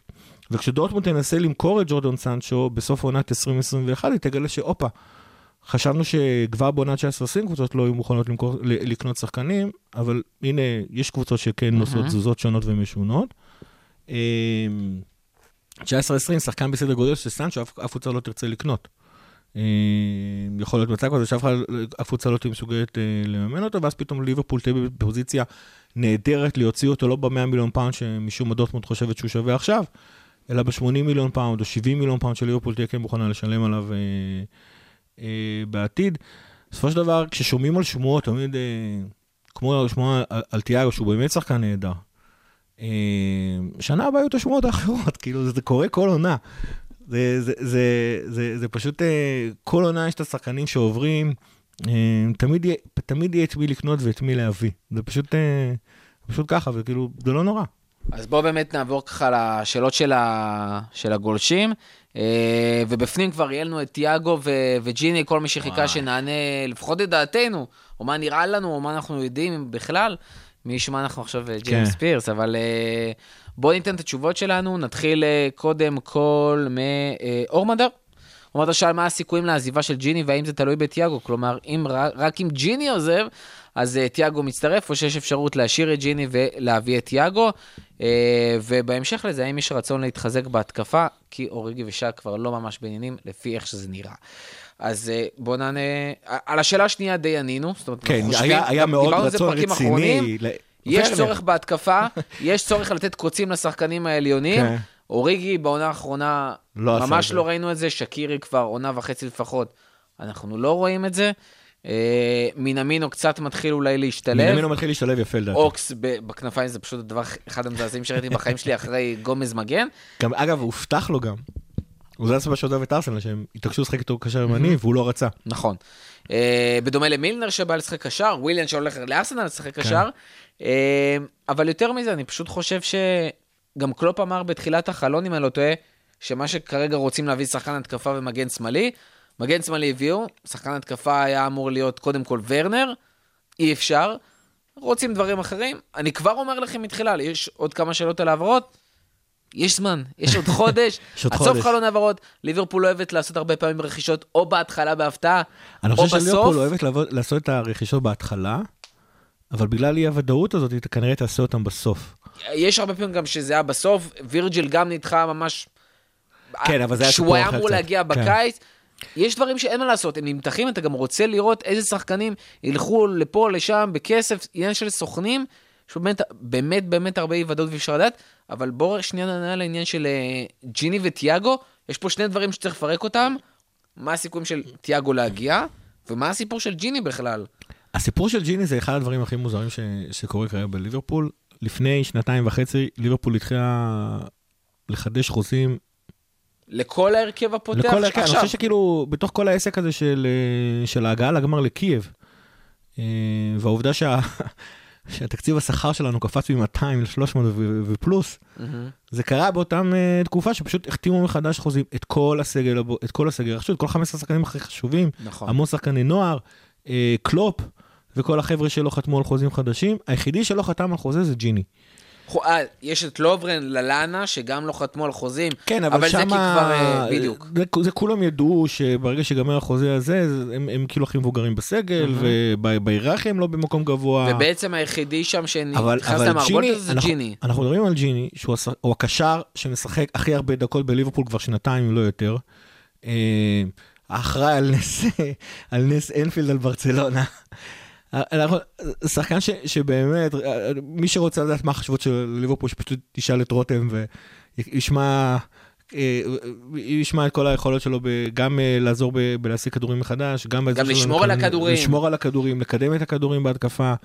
אה, כל העבודה השחורה שאף אחד לא רוצה לעשות, והוא זה כן, שמוכן עכשיו לעשות אגב. עכשיו, עכשיו, עכשיו הדיגיטל רותח בין אנשים שמשום מה החליטו שג'יני זה לא שחקן, לבין, ה, לבין אלה שמראים להם, אז, אז אני חושב שאתמול ראיתי את הסרטון של ג'יני מעביר ארבעה שחקנים של ברצלונה, עם עקב אחורה ו... ויוצא מהם, ואני ראיתי את זה ב live באנפילד, זה כאילו אחד הדברים הכי מדהימים שראיתי, מעבר לשני שערים המטורפים שהוא נתן שם. אה, יש את הקטע שנגד מנצ'סטר יונייטד הוא עובר לשחקן איזה כדור בין הרגליים, היה חופשי, מסר למאנה ואיכשהו זה לא נגמר בשער. וראינו יכולות מדהימות שהוא יודע לעשות בהולנד כשהוא יוצא להתקפה כשנותנים לו. נכון, אה, למה הוא לא חתם זה נורא מוזר. זה באמת נורא מוזר. אני יכול להיות שעכשיו מה שקרה, עד עכשיו זה שכאילו, אה, אה, כנראה הציעו לו שכר שהוא לא רצה, אבל עדיין, כאילו, הציעו לו שדרוג מן הסתם, אבל כנראה השדרוג לא היה זה. השמועות ממקורות יחסית אמינים כרגע מדברים על זה שההבדל בין אה, מה שליברפול רוצה לתת לו לבין שג'יני ג'יני רוצה עוד פעם חוזה של חמש שנים, אה, ליברפול מוכנה כנראה לתת לו חוזה של שלוש שנים, עוד פעם, מפאת גילו המתקדם. אה, ואז נשאלת השאלה בעצם למה, אם ג'יני היה רצה חוזה של חמש שנים, הוא יכל לחתום עליו עוד שנתיים, והיה לו את החוזה לחמש שנים המדובר, יכול להיות שדווקא ג'יני היה יותר חכם מכולם, והוא ידע שהוא רוצה חוזה עד גיל 34, וזה מה שהוא, שהוא קיווה להשיג. כרגע המצב של ליברפול עם ג'יני הוא מאוד מאוד uh, בעייתי, כי עונה הבאה נגמרת לו החוזה. אה, אני אפתיע, אני לא חושב שליברפול כל כך תירתע מלתת לו לשחק את השנה הזאת, מסכים. אה, אבל אם תגיע הצעה שאי אפשר לסרב לה, כשהשמועות כרגע מדברות על ברצלונה, אבל חבר'ה, צריך לזכור, רונלד קומן נמצא בברצלונה כולה חודש. ובעצם... וה- בקושי. בקושי, והקישור היחידי בין אה, קומן ל- לג'יני זה ששניהם אה, הולנדים, לך תדע איזה... ואחד אימן את השני, אבל כן, זה שנתיים כמו ש- האחרונות, זה כמו שכשמסי הודיע על העזיבה שלו, לכולם היה ברור שהוא מגיע לסיטי, הקישור היחידי, אה, מינו את קומן, הופה, הוא רוצה הולנדים בהרכב. בואו בואו נחכה וגם ל- לקח קצת בערבון מוגבל את התקשורת הספרדית. כן, אה, מהבחינה הזאת, אני לא יודע מה יקרה. עוד, וזה כבר השערה לא מבוססת, אבל שלי, לי דווקא יש תחושה שאם תיאגו יגיע, אז אם ג'יני יעזוב בכלל, מסכים. כי אחרת כבר פשוט היינו מצ... מ- מ- מ- מגישים את ההצעה. תיאגו, עוד פעם, לא עומד בקריטריונים אה, של, של בוא, ה moneyball. בוא נגיד את זה ככה, ההיגיון הבריא, שלנו לפחות, נכון. אומר שאין שום צורך באמת להחליף את ווינלדום, נכון. והסיבה שיבוא עכשיו מחליף בדמות תיאגו, שזה basically אחד לאחד, אחד אולי יותר הגנתי, אחד תיאגו- יותר התקפי, לתיאגו יש יותר באז, נכון, לא, לא, גם לא, לג'יני יש עליו יתרונות של. כשירות, ב- ב- בליגה הגרמנית אמנם, אבל תיאגו מבחינה הגנתית ומבחינת אה, קידום ההתקפה, יש לו בדיוק את אותם מספרים של אה, ג'יני, מה שלתיאגו יש ולג'יני אין, זה בישולים, זה שערים. נכון, ולג'יני זה- אבל גם יש כשירות הרבה יותר גדולה וניסיון בפרמייר ליג. נכון. אז זה מה שהם, הם basically יושבים על אותה משבצת. הסיבה היחידה להביא שחקן לליברפול, תחת FSG, עם כל מה שאנחנו מכירים, וכל מה שדיברנו בפרק הזה כל כך הרבה זמן, וכל שאר הפרקים נכון. של הכפית, זה נטו. אם אין כרגע שחקן אחר צעיר להכניס במקום, והשחקן הזה עוזב, וצריך לעשות פשוט אחד לאחד, שכר על שכר, או לפחות השכר שהם שכר מוכנים שרצו לתת, לשלם, כן. בדיוק, עם אורך החוזה שרצו לתת לג'יני, ואז באמת להביא את אה, תיאגו. נכון, אה, ובהקשר הזה צריך לזכור שתיאגו הוא מבחינה כלכלית סיכון גבוה, כי כנראה השכר שלו יהיה גבוה. אה, לא, לא סכום העברה, 25 מיליון אה, על תיאגו נשמע כמו תענוג גילאי, אבל גם כן, הוא שנה לחוזה, הוא שנה. לחוזה, כאילו, זאת אומרת, אפשר להוריד את, אה, זאת אומרת, אם הוא, אם הוא היה נגיד אה, עכשיו... שזה מה עם, אה, שליברפול מנסה. כן. להוריד אותו מתחת ל-value שלו, גם כשאתה נכון. שנה לסיום חוזה. להוריד את הסיכון הכלכלי כמה שניתן. שוב פעם, אם תיאגו היה עכשיו עם שלוש שנים, שלוש שנים לחוזה, אף קבוצה, זאת אומרת, לא הייתם מביאים אותו ב-25, הייתם מביאים אותו בסכום, ואז, ואז לגילו זה היה גם נשמע קצת סיכון הרבה יותר משמעותי. אז מבחינה כלכלית הוא, הוא, הוא במצב הנוכחי כרגע הוא, הוא סיכון מסוים. מבחינה מקצועית הוא סיכון קטן. כי אדם, חבר'ה, מדובר פה על כישרון world class ברמה הכי גבוהה שיש, זה אין שאלה בכלל, אין שאלה שהוא מתאים בול לשיטה של קלופ, בין אם זה 4-2-3-1, בין אם זה 4-3-3 שאנחנו משחקים כרגע. אה, אין, אין, אין שאלה בכלל ל-added value שהוא יכול להביא על אותו יצירתיות בקישור שכולנו אה, אה, גם מודים שיחסית אין, אבל גם יודעים להסביר למה אין אותה ולמה זה לא כזה קריטי. אה, אין שאלה בכלל מבחינה מקצועית שהוא, ייכנס לליברפול, והעובדה שהוא וורד קלאס מוכח בגיל מבוגר, אומרת שהעובדה שאתה מצרף שחקן כזה לתוך סגל, אז הסיכונים בלהכניס גורם חדש לתוך סגל מאוד מאוד מחובר אחד לשני, הם יחסית נמוכים, כי זה בן אדם שעבר כמה דברים בחיים. זה, זה אחד הדברים למה, למה תיאגו נשמע טוב, כי עוד פעם הוא סותר כל קריטריון אחר של ליברפול. Mm-hmm. דבר שני, זה אותו רענון שאנחנו מחכים, אתה תביא שחקן world class עם ניסיון מוכח, כמו של, של תיאגו, זה, זה יביא רענון מאוד מאוד חיובי לקבוצה. בשני הדברים האלה אתה, אתה משיג, וכנראה בגלל זה ליברפול מוכנה הפעם לוותר על עקרונות ה- מועדון. ה moneyball, העקרונות הכלכליים של, של, של להביא רכש. קשה לדעת מה קורה שם, אני חושב שהעובדה שזה מחכה, מן הסתם נופלת עליך משתי דברים, או שבאמת ליברפול מאיזושהי סיבה רוצה להוריד את זה ל-25, אפילו 20 מיליון פאונד. יש פה משא ומתן, זאת אומרת, תשובה מאוד פשוטה. לגיטימי? יש פה משא ומתן אה, עם שני גורמים, אחד עיקרי, שזה הסוכן של ווינלדום, של באמת כן. כמה המועדון רוצה לתת וכמה אה, השחקן רוצה לקבל, ובמקביל, מול ביירן, זאת אומרת, כמה באמת רוצים לתת, כי אני מניח שאם הייתי יכול להביא, דרך אגב, יכול להיות שאם היית יכול להביא את תיאגו בחצי המחיר ממה שביירן עכשיו רוצה זה לא לתת, היה שאלה בכלל. יכול להיות שבאמת כבר היית מזרז את כל התהליך הזה, והיית מביא אותו ומוכר את ווינלדו וסלמת. נכון. אה, אבל, ויש עוד דבר שצריך לזכור, גם מליסה רדי וגם ג'יימס פירס פשוט אמרו שליברפול עוד לא הגיע אף הצעה לביירן מינכן. אבל אנחנו יודעים שזה קצת, אתה יודע, זה קצת כן, בעייתי. בוא נגיד שהיום ההצעה, זה כאילו הדבר האחרון שאתה צריך לעשות. נכון, אבל אם זה נכון, אבל אם מה שהם דיווחו באמת נכון, זה באמת מחזק את התחושה שדווקא אם ג'יני ילך, אז ליברפול באותו רגע תשים את ההצעה לברי מיכן ופש- ופשוט תביא אותו. כן. אה, זו התחושה שלי. טוב, נמשיך עם השאלות, ועקב הגבלות הזמן שלנו, וואי, אנחנו וואי, נצטרך וואי, גם וואי. אה, לענות עליהם יחסית מהר. אה, גל חיימוביץ', חברנו, שואל אותנו, האם אנפילד ללא קהל הוא עדיין אנפילד מבחינת העוצמות והדחיפה קדימה? כיצד ישפיע העונה? אני אחדד את זה. האם התוצאות שלנו צריכות לרדת משמעותית עקב זה שאין לנו את אנפילד העונה שהיה... ואתה יודע, בריש גלי הדבר הכל כך משמעותי שדחף אותנו במיוחד בצ'מפיונס. אז התשובה לשתי השאלות היא לא, בקצרה. אה, ובאריכות תדברו בטלפון. אנפילד בלי קהל זה לא אותו דבר. אה, סתם לדוגמה, אפילו הניצחון 3-2 על וסטאם, לדעתי, לא היה מגיע בלי הקהל. ה-4-0 על אה, ברצלונה לא היה מגיע בלי קהל. אה, אין מה לעשות. אה, זה, זה, זה גם קצת אה, נורא מגוחך. אה, להגיד אנפילד, אנפילד, אנפילד, אנפילד, אנפילד כל החיים, אה, בגלל זה אנחנו יודעים את ליברפול, זו אחת הסיבות שאנחנו יודעים את צריך ליברפול. לעבור את זה. ופתאום להגיד אה, בלי קהל אנפילד זה אותו דבר. זה לא זה. אני חושב שהסגל שלנו, בוא נגיד ככה, אם הייתם שואל אותי על הסגל שלנו בעונה 19-20, הייתי אומר לך שאין שום, שאין שום סיבה שנאבד יותר מחמש נקודות. בגלל שאני חושב שהסגל הזה קצת צריך רענון, יש מצב שאנחנו כן נאבד קצת יותר מחמש נקודות בגלל שאין קהל. מקווה שהוא יחזור כמה שיותר מהר. האם אנחנו, אה, רגע, אסף מנטבר, מקווה שאמרתי נכון, שואל אם אנחנו נראה העונה יותר את ה-4-2-3-1 שקלופ ניסה לעשות. אה, ב-18-19 הוא היה בשימוש די נרחב לאורך אה, שלושה חודשים, ואז כבר, אתה יודע, זה נעלם. האם אנחנו נחזור אה, לראות את זה? האמת שראינו קצת ב- במשחק האחרון באימון. אה, אה, סליחה, מול ארסנל, ראינו באמת 4-2-3-1 או יותר. glorified friendly. 4-2-4-4 כזה, כן. משהו בין לבין. האם אנחנו לדעתך נראה את זה יותר? כן, משתי סיבות. אחת, קייטה ומינמינו.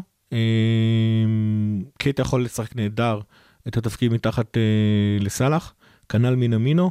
אה, מינמינו אגב נגד ארסנל לדעתי שחק... כשאנחנו מדברים על 4-2-3-1, זה אומר שסאלח חלוץ, סאלח בשפיץ בתשע, מאנה בימין, מאנה בימין, מינמינו בשמאל, פרמינו מתחת לסאלח. אני לא אוהב לראות את פרמינו בעמדה של העשר הזה. מסכים. הוא, לא יודע, הוא אתה מדבר, אתה לא אוהב לראות אותו בכנף או מתחת לחלוץ? פרמינו, כי כבר העשר דיברנו על זה, חיים שלי. בעיה. חיים שלי, אבל איכשהו תשע אמיתי לא עובד, איכשהו עשר אמיתי לא עובד, false nine. false nine שני רק. למסי. אה, זה סיבה, סיבה אחת. אה, סיבה שנייה, אמרנו רענון, יש מצב שהעונה 4-3 שלנו ייתקע, אה, גם כי קבוצות מחכות ל-4-3-3 הזה. יש מצב ש-4-2-3-1, ראינו את זה בעונה האחרונה, כל פעם שחייבים גול, עוברים ל-4-2-3-1. יש מצב שגם ניאלץ, ל- שממש ניאלץ לעבור ל-4-2-3-1. אה, עכשיו שלוברן עזב, אנחנו עם שלושה בלמים ושניים מהם נורא פציעים, מה שמאוד נכון. האם קלופ יביא גיבוי למרכז ההגנה, או שמא הוא בונה על הצעירים בדמות סב ונדרברג וקיאנה הובר? ספ ונדנברג וקיאנה הובר לא. לא, אתה, עוד פעם, אני לא יכול להגיד לכם, אני גם לא, שוב, להגיד האם צעיר הוא טוב מספיק או לא טוב מספיק, אני די בטוח שבמשחק הראשון שראיתם את טרנט בהרכב הראשון של ליברפול, כולכם הזדעזעתם. הוא אה, דווקא סבבה. הוא היה סבבה, אבל כאילו הרבה אנשים אמרו מי זה, מה זה, למה זה. אה, בטח אגב מבחינת היכולות ההגנתיות שלו בת, ב, כש, כשהוא הצטרף. אה, אבל זה יותר מכיוון איך, איך שכאילו הווייב, איך שמתייחסים אליהם במחנה האימונים, איזה דיבורים אתה שומע עליהם בזה, כי על טרנט היה המון המון הייפ כשהוא, כשהוא בא להיכנס. ספ ונדנברג וקיאנה הובר, אין את ההייפ הזה, אין את התחושה הזאת, אין את הווייב הזה שמרגיש שקלופ סומך עליהם. אגב, גם ההייפ שיש כרגע מהקומיטו בילי הצרפתי, קומיטו. בילי קומיטו הצרפתי, זה לא הייפ של הוא עכשיו מקומה, הוא עדיין מאחורי קיאנה הובר. זה הייפ של מישהו שהולך להתבשל, הוא יכול כן. להיות משהו גדול, אבל הוא צריך עוד להתבשל כרגע, הרבה. כרגע, כנראה מבחינת לא פוטנציאל, כנראה מבחינת, כאילו, יכולת כרגע, כן. הוא עדיין מאחורי קיאנה וסב ונדרברג, כן, יכול להיות שהוא יעבור אותם כבר העונה, אבל... אז גם הוא לא הבלם הרביעי. אה, אני, חושב, אני גם חושב שבלם רביעי, אתה כל העונה חופר לי שצריך איזה סוג של קלאבן כזה. נכון. לא כל העונה, בחודשיים האחרונים, כשהבנתי לאן זה הולך, שלא כן. הולך וזה, אני אישית, ממה שאני יודע, קודם כל, אה, סב ונדרברג ממש לא בתוכניות, הוא הולך להישאר או באנדר 23, או שבאמת לצאת להשאלה. אה, כנראה של נט פיליפס, יושאל לו יימכר, בריסטול סיטי לדעתי אותו. אפילו, לדעתי הוא יימכר ברגע שיראו שאפשר להוציא עליו כסף.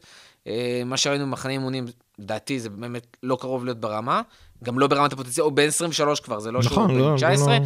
אה, קיאנה הובר, לדעתי, ממה שאני מבין מכל הדברים, יצא להשאלה, אה, מהסיבה הפשוטה שהוא אמר, אני לא רוצה יותר להישאר ב under 23, אני רוצה לשחק, לדעתי הוא גם צודק. אה, זה שחקן שמגיע לו, יש לו איכויות, הוא גם לא מתאים להיות בלם שהוא משחק ב under 23, הוא רוצה להיות מגן, לדעתי הוא גם מתאים להיות מגן, לדעתי הוא גם יצא להשאלה. אה, אם הוא- אם הוא רוצה להיות מגן כשיש את טרנט ונקו בקבוצה, כנראה דרכו תהיה החוצה עוד עונה שתיים. אז אה, לא, לצאת, קודם כל שיצא להשאלה ואז נדבר. נכון. ולגבי בלם שייכנס, לדעתי יגיע. אה, כמו שאמרת, לדעתי יגיע סוג של קלאבן כזה, מישהו יחסית מבוגר, לשים פלסטר שאין לו בעיה לשבת על הספסל. צימיקס רק באמת יותר מבוגר, עם שכר יחסית נמוך. אה, ואנחנו פשוט צריכים את הפלסטר הזה לשנה, שנתיים הקרובות. כמעט לא, לא מבוגר בכלל. גומז יש לו זמן, לווירג'יל יש זמן. פשוט צריך בינתיים, עד שאחד הצעירים אה, יתקדם, או יקלו למישהו אחר שיוכל כן, להיכנס. אבל אבל צריך גם להודות, ה- ה- ה- הסיבה האמיתית שכולנו מרגישים את הדחיפות של בלם רביעי, זה הפציעות. זה הפציעות, זה לא, זה לא, זה נכון. בטח לא היכולת. לא מומחה גדול בפיזיותרפיה ובריאות של שחקני, שחקני ספורט, אבל, אבל מי שזוכר, סטיבן ג'ירארד שהתחיל את הקריירה שלו היה מאוד מאוד פציע, אצלו זה היה בעיות בגב. אני חושב שאחת הפציעות של גומז גם לא הייתה... גם בסוף הקריירה הוא היה מאוד מאוד פציע. זה סיפור אחר, אבל, אבל אה, כאילו זה, זה השתנה, אני חושב, אה, הוא יהיה ממש היה שומר עליו בפינצטה, אבל, אבל גם בלי לשמור עליו בפינצטה, הוא פשוט היה, אה, לא, הוא יהיה לא היה נותן לו לשחק הרבה פעמים יותר ממשחק בשבוע, הוא הרבה פעמים בגלל הכישרון הוא נאלץ לתת לו לשחק יותר משחק בשבוע, ואז הוא משלם את זה ש- שג'רארד נפצע. אה, אני חושב שגם אחת הפציעות של, אה, של גומז הייתה איזה טאקל לא טוב או משהו בסגנון, נכון. ולא בהכרח איזה כאילו משהו לדעתי עם בריאותי פונס שלו. מורי אז שנכנס בו. לא, פונס מורי זה היה. אוריגי. סיפור אחר, אבל אה, אבל כן, אז- זה, אז- זה פציעות שאתה לא יכול לדעת. גם שוב, כן. אנחנו מבססים על בסיס מה שאנחנו יודעים שהיה, ולא על בסיס מה מה שיהיה, שיהיה. אנחנו באמת לא יכולים אז לדעת. אפשר להחזיק אצבעות, אבל, אבל אני גם בדעה שאם יגיע איזה סוג של קלאבן זה, זה יהיה נהדר. אז תודה, תומר, על השאלה. אה, לישי ברוך דווקא שואל שאלה מעניינת. משחק. אחד פותח, וואי, אחד וואי. לספסל ואחד מוכרים. סאלח, מאנה, פרמינו, מה הבחירות שלכם? go for it. או שאתה רוצה שאני אתחיל. תחילתה. אתה רוצה להמר על התשובות שלי? אני חושב שאני? יודע, אבל אני... אז יאללה, אה, go for it, תהמר על התשובות שלי. יש לי תחושה שאנחנו ניתן את אותן תשובות, אבל מסיבות אחרות. אז סבבה, אז בוא תיתן את התשובות שלי, כי נראה לי שאתה יודע מה אני רוצה להגיד. אתה רוצה למכור את סאלח כי לדעתך הוא הכי פחות טוב מהשלישייה? גם כי הוא הכי פחות טוב, גם כי אפשר להכניס עליו הכי הרבה כסף. זו הייתה הסיבה שלי אגב. זה מבחינתי זה שניהם. זו הסיבה שלי. אתה יודע גם מה אני עושה עם הכסף שלו, אבל בסדר.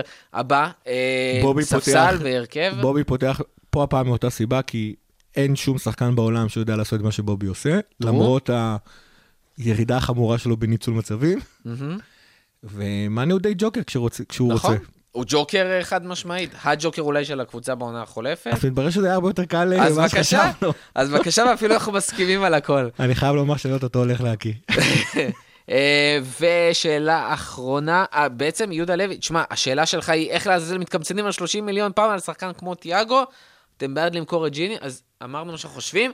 האם אגב, אתה לכאורה- בעד למכור את ג'יני? אגב, כי השאר בוא- בוא בוא נעשה פה פרובוקציה, זה כן. לכאורה הרבה יותר חמור, הם מתקמצנים על 5 מיליון פאונד. כי נכון. או שהם מוכנים, נכון, כי- כי אנחנו כנראה לא מוכנים, על ה-30, אלא הם רוצים מוכנים מוכנים 25. לתת זה- 25, הם מתעקשים ל-30. נכון. האם אתה אה, בעד למכור את ג'יני? בעד למכור את ג'ילי בחיים לא. אני אני חושב שגם... זה אני כבר פחות, אה, זה, זה אני כבר אתן קרדיט להנהלה ולקלופ ול, ולאדוארדס לעשות את החישובים שלהם, האם אה, זה, זה לגיטימי לתת לו פשוט לסיים את החוזה ו, ולהגיד תודה או, או, או למכור אותו, מהמם. אבל, אבל זה מבחינה כלכלית גרידא. אה, תיאגו, מה אני אגיד לך? אני חושב שבמצב הכלכלי הנוכחי של, של ליברפול, אני לא חושב שיש לנו את ה... עכשיו לא, אולי בינואר כן, אין לנו את הליברטי הכלכלי, עוד פעם, על סמך כל מה שדיברנו בפרק הזה, להחזיק גם את תיאגו וגם את ג'יני. אה, אני אישית לא מוכר את ג'יני, אני לא, אני לא מסוגל אפילו לחשוב על הדבר הזה, הוא באמת... אה, אני רק אגיד שהשחקן האהוב עליי, כמו שהרבה כבר יודעים ודיברנו על זה, זה פירמינו. אבל הביו שלי בטוויטר, אני לא יודע אם שמת אה, לב, נכון, הג'יני של זה הג'יני הטוויטר. ווינלדום של הפיד. נכון. אז אה, מפה נראה לי באה באה התשובה שלי. אה, וזהו, תשמע, אנחנו פרק ארוך בטירוף, וואי, וואי. ובכל זאת, הבטחתי נתת לך פינת היסטוריה קצרה נכון. ביותר. אז אה, תן לנו בפינת ההיסטוריה ואנחנו נלך לסיום. ג'ון אבנס, עכשיו כולם צועקים, מי? ג'ון אבנס, לא רוי אבנס, ג'ון אבנס, אחד מחמישה שחקנים בליברפול, שכבש חמישה שערים במשחק. הוא עשה את זה בשנת 1954. הוא נולד, היה הראשון שעשה את זה? הוא לא היה הראשון, הוא היה השלישי. הוא נולד השבוע בשנת 1929. שני השחקנים היחידים שהצליחו לכבוש חמישה, משחק, אה, חמישה, שח, חמישה שערים במשחק אחד מאז 1954, הם איאן ראש ורובי פאולר. אפילו סוארז או סאלח לא עשו את זה. סוארז או נתקע על. ארבע עם נוריץ' איזה הרבה פעמים. טוב, אז אנחנו מסיימים את פרק 78. תודה רבה לכל מי שהיה איתנו עד הסוף. תודה רבה, גיא. בסל שלוש אל. תודה רבה לליברפול, שנתנו לנו את כל, ה, אה, את כל החשק לעשות את כל הדבר הזה. אה, תודה רבה לטוויטר, שבלבלו לנו את המוח על כל העניין והקנאה, למה אחרים עושים ואנחנו לא, ולכן עשינו את הפרק המדהים הזה. אה, וזהו, נתראה בפעם הבאה, אולי כנראה בשכונה בממלכה, אה, אם ניתן להם באמת להיכנס פה שוב לאולפן ולעשות את הבלאגן שהם עושים פה. אבל מיד אחרי זה, אבל מיד אחרי זה, פרק פרק. נוסף של הכפית, אנחנו שנינו עוד פעם נהיה פה, רותם כנראה עוד פעם יהיה פה, והעונה חוזרת. העונה חוזרת. יום חמישי הבא, פרק לפני תחילת העונה, יש לנו עוד משחק אימון של בלקפול לסופש. אה, נגד? שנוכל לראות חלק, כולם חוץ מההגנה בערך של משחקי לא, נבחרות. אבל עזוב את זה, חוץ מ... מי מאמן את בלקפול? מי מאמן את בלקפול? ניל אה, קריצ'לי. נכון, שעשה 3-3 עם אברטון בשבוע שעבר. שהפסיד 5-0 לאסטון וילה. גם נכון. אה, וזהו, שבת הבאה, העונה חוזרת, ליברפול לידס. סוף סוף. אפשר לראות, איזה אה, התרגשות, כדורגל. חבר'ה. לצערנו, באנפילד הוא ללא קהל. הוא ללא קהל. אז זהו, עד הפעם הבאה, עד הפעם הבאה, לוותר. הכפית. הפודקאסט לאוהדי ליברפול בישראל.